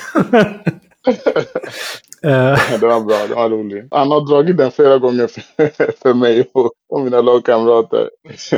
Hur var det att representera AIK? Det måste varit fantastiskt med alla fans på läktaren. Alltså, det var bland det bästa jag gjort i svensk basket förutom vinna SM-guld. Ja. Och eh, för mig, jag har aldrig förstått varför, eh, varför AIK, Djurgården, Hammarby, alla de här stora svenska klubbarna som finns i hockey och fotboll Ja. inte har basketlag. Jag aldrig förstått det. Nej. Nu, alltså innan AIK kom igång då, nu förstår jag lite en del av det men men eh, för mig var det superkul att spela för AIK. AIK tog emot mig med öppna armar. Alltså det var verkligen kärlek från dag ett Mm. till slut. Ja. Eh, och det var magiskt att spela inför dem. Ja. Alltså att spela inför vår läktare. Även fast bortamatcher, det var inte så mycket publik. Men när, när, när Hejaklacken kom in där, Ja. då var det som det var fortfarande en fullsatt arena. Det var konfetti, det var liksom, det var sjuk stämning. Ja. Alltså det var så kul. Det var verkligen kul. Jag hade inte tänkt att spela så basket på så sätt Nej. som det blev på grund av fansen och laget som vi hade. Det blev så härlig stämning. Alltså det var, det var bland mina roligaste år faktiskt. Ja, shit vad kul att höra det liksom. Eh, nu vet jag Hammarby i fotboll har ju också stark fanbase. Ja. Så, och Djurgården i fotboll. Men basketmässigt så var det ingen som absolut kunde slå AIK. Nej, men titta på filmerna från de här matcherna. Det är ju liksom, jag har aldrig sett det där på en basketmatch i Sverige liksom. Aldrig. Nej. Spelar ingen roll om Luleå har full arena Ja. eller, eller eh, Borås. Det spelar ingen roll, de kommer inte i närheten. För den här stämningen, det var ju elektriskt. Det fick ju till och med min explosivitet att komma tillbaka som var borta. Om man säger så. Uff, shit. Och jag var liksom, oh, let's go! uh, Ja. Genom kaklet igen! Ja. Men om du jämför liksom med de klubbar du representerat i Europa då. Hur, hur står sig AIKs supportrar mot dem? Eh, Cypern och Italien var ju, och Grekland, Ja. Turkiet också, de var ju samma. Men fast där var det lite värre. Jag kommer ihåg vi var, var var vi i Grekland någonstans? Jag tror i Aris hemmaplan, alltså det var ju katastrof. Det var värsta hetlacken också. Och i, jag spelade med Benetton Treviso. Vi hade Euroleague-match mot Panathinaikos i deras hemmaarena, i den OS-arena som de spelade i.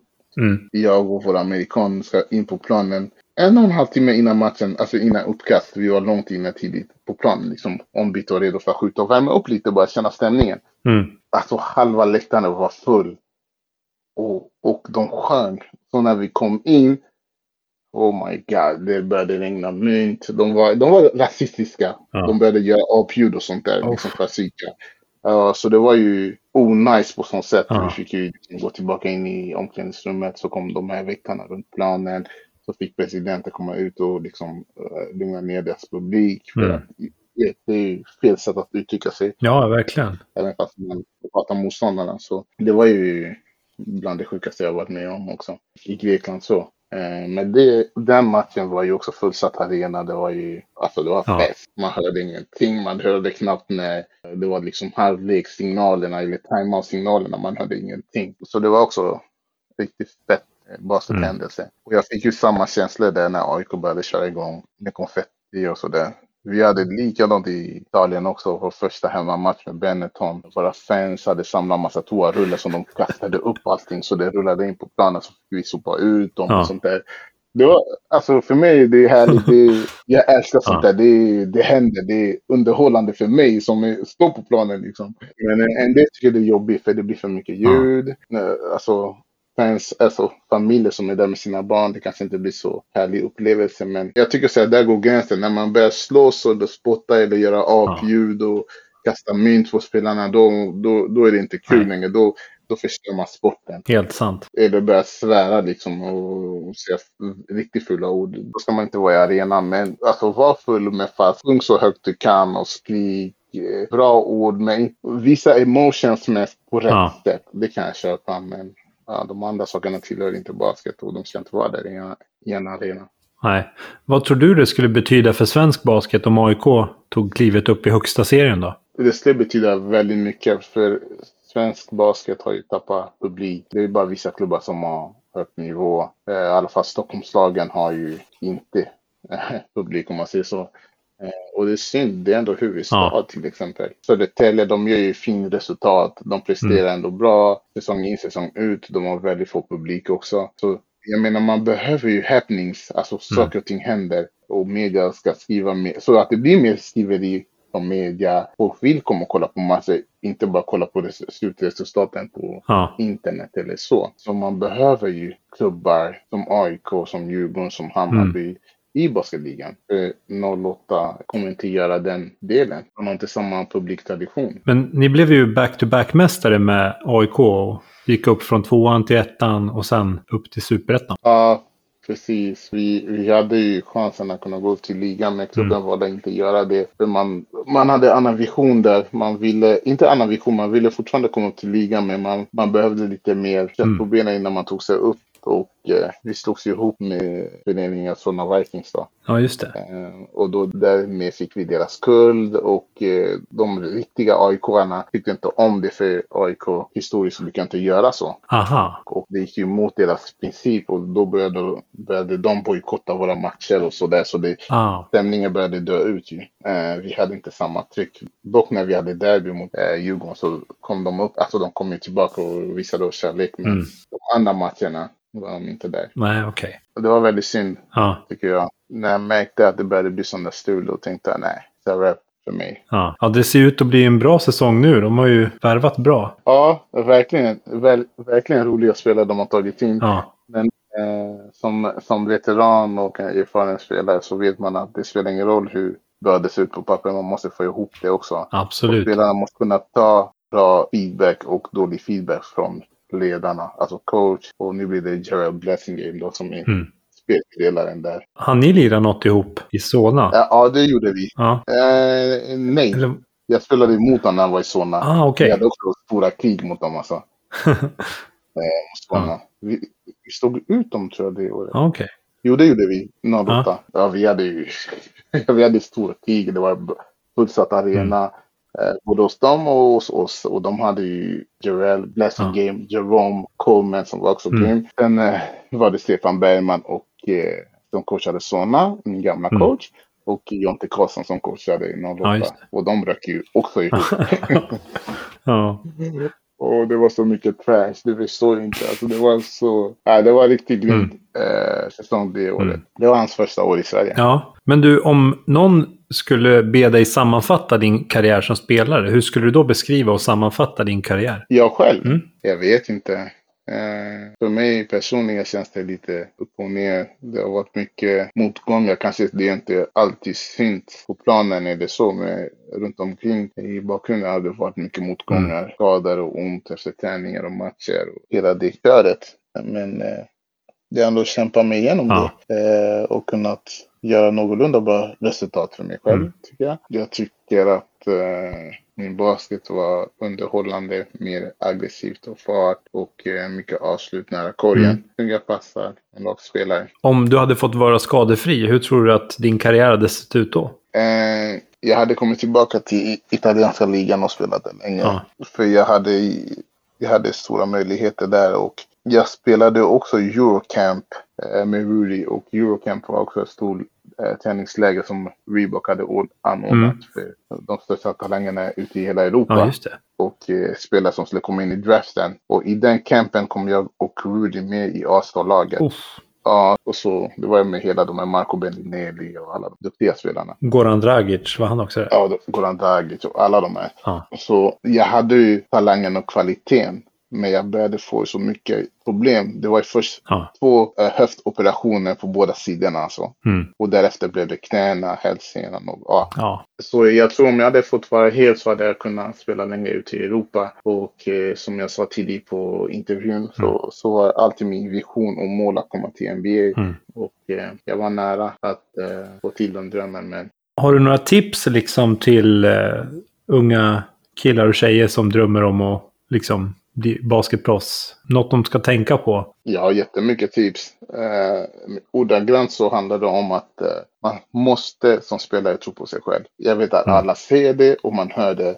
Men det är verkligen sant. Det är superviktigt. Basket är ett mentalt spel. Med fysiken eh, så får man fint resultat. Och eh, att tro på sig själv, att träna, repetera olika saker. Bollkontroll, skå, passar och sen om man vill lägga till med lite krydda som man säger, alltså gör det spicy, snygga passar, så får man träna på det också. För det gäller, alltså det räcker inte bara att titta på en highlight på en NBA-spelare eller Europaspelare och säga ja men det där ska jag göra om man inte har tränat på det. Man måste träna på det, man Mm. måste lägga ner tid. Man brukar säga att det tar 10 000 timmar att göra någonting om och om Yes. igen för att man ska bli riktigt grym på det. Ja, och så det innebär att man måste lägga ner mycket tid, det spelar ingen roll hur mycket talang man har fått. Med det Mm. så kan man komma väldigt långt och som svensk spelare så är vi inte i Sverige så dåliga som man får höra, Mm. som man tror. Jag spelar mycket mot eh, spelare utomlands. De har inte den, alltså inte alla men vi är ju där. Vi Mm. är ju bättre än dem också eh, i tidig ålder. Men någonstans när man börjar komma upp lite i åldern så dör den utvecklingen ut.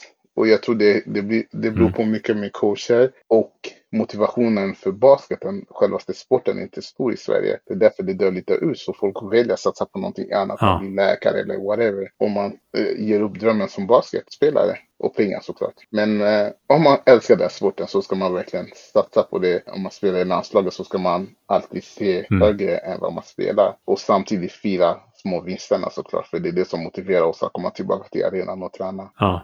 Du var ju lite inne på det förut när du beskrev att man inte riktigt satsar på unga spelare i basketligan. Kan det ha att göra med att folk ledsnar också och slutar i förtid? Absolut. Att det är liksom där skon klämmer. Liksom. Annars så kanske man hade haft de här spelarna som fortsatte och kan mätas med dem i Europa. Liksom. Absolut. Det har också med det att göra. Man måste ge spelarna möjlighet att kunna utöva det man har tränat på länge. Mm. Och ja, såklart SM-guld är ju SM-guld, men fortfarande om man inte får unga spelare att spela i svenska ligan, var ska de spela någonstans? Ja, Det är svårt. mm. word på den alltså. Så man måste våga ge eh, unga spelarna chans, möjlighet att kunna eh, göra misstag och utvecklas. Mm. Det är genom misstag som man utvecklas som mest som individ. Det spelar ingen roll om det är basket eller inte basket. Finns det någon historia eller anekdot som du skulle vilja berätta som vi inte har pratat om här idag? Eh, Är det något vi har missat liksom? Nej, jag vet inte. Det jag kan säga är att jag, jag minns inte om jag sagt det, men de bästa coacherna som jag haft det är ju Ettore Messina och David Blatt som coachade LeBron James och Cavs. Ja, Så, och eh, när de coachade oss lagspelare så var de väldigt, alltså de pratade så mycket om detaljer, det är små saker. Det är positionering med fötterna i försvar, i anfall, hur många steg man måste titta. ja. Liksom spela pick and roll. Så sånt där saker måste man också kolla på. Point of position, eller jag tror från alla positioner, så måste man alltid, om man spelar anfall så måste man alltid tänka, okej, hur kommer försvaret spela nu mot mig? Vad vill de göra? De vill alltid få mig att göra det jag är dålig på. Okej, hur kommer man göra det? Så man måste alltid vara ett steg före sin motståndare, i både försvar och anfall. Mm.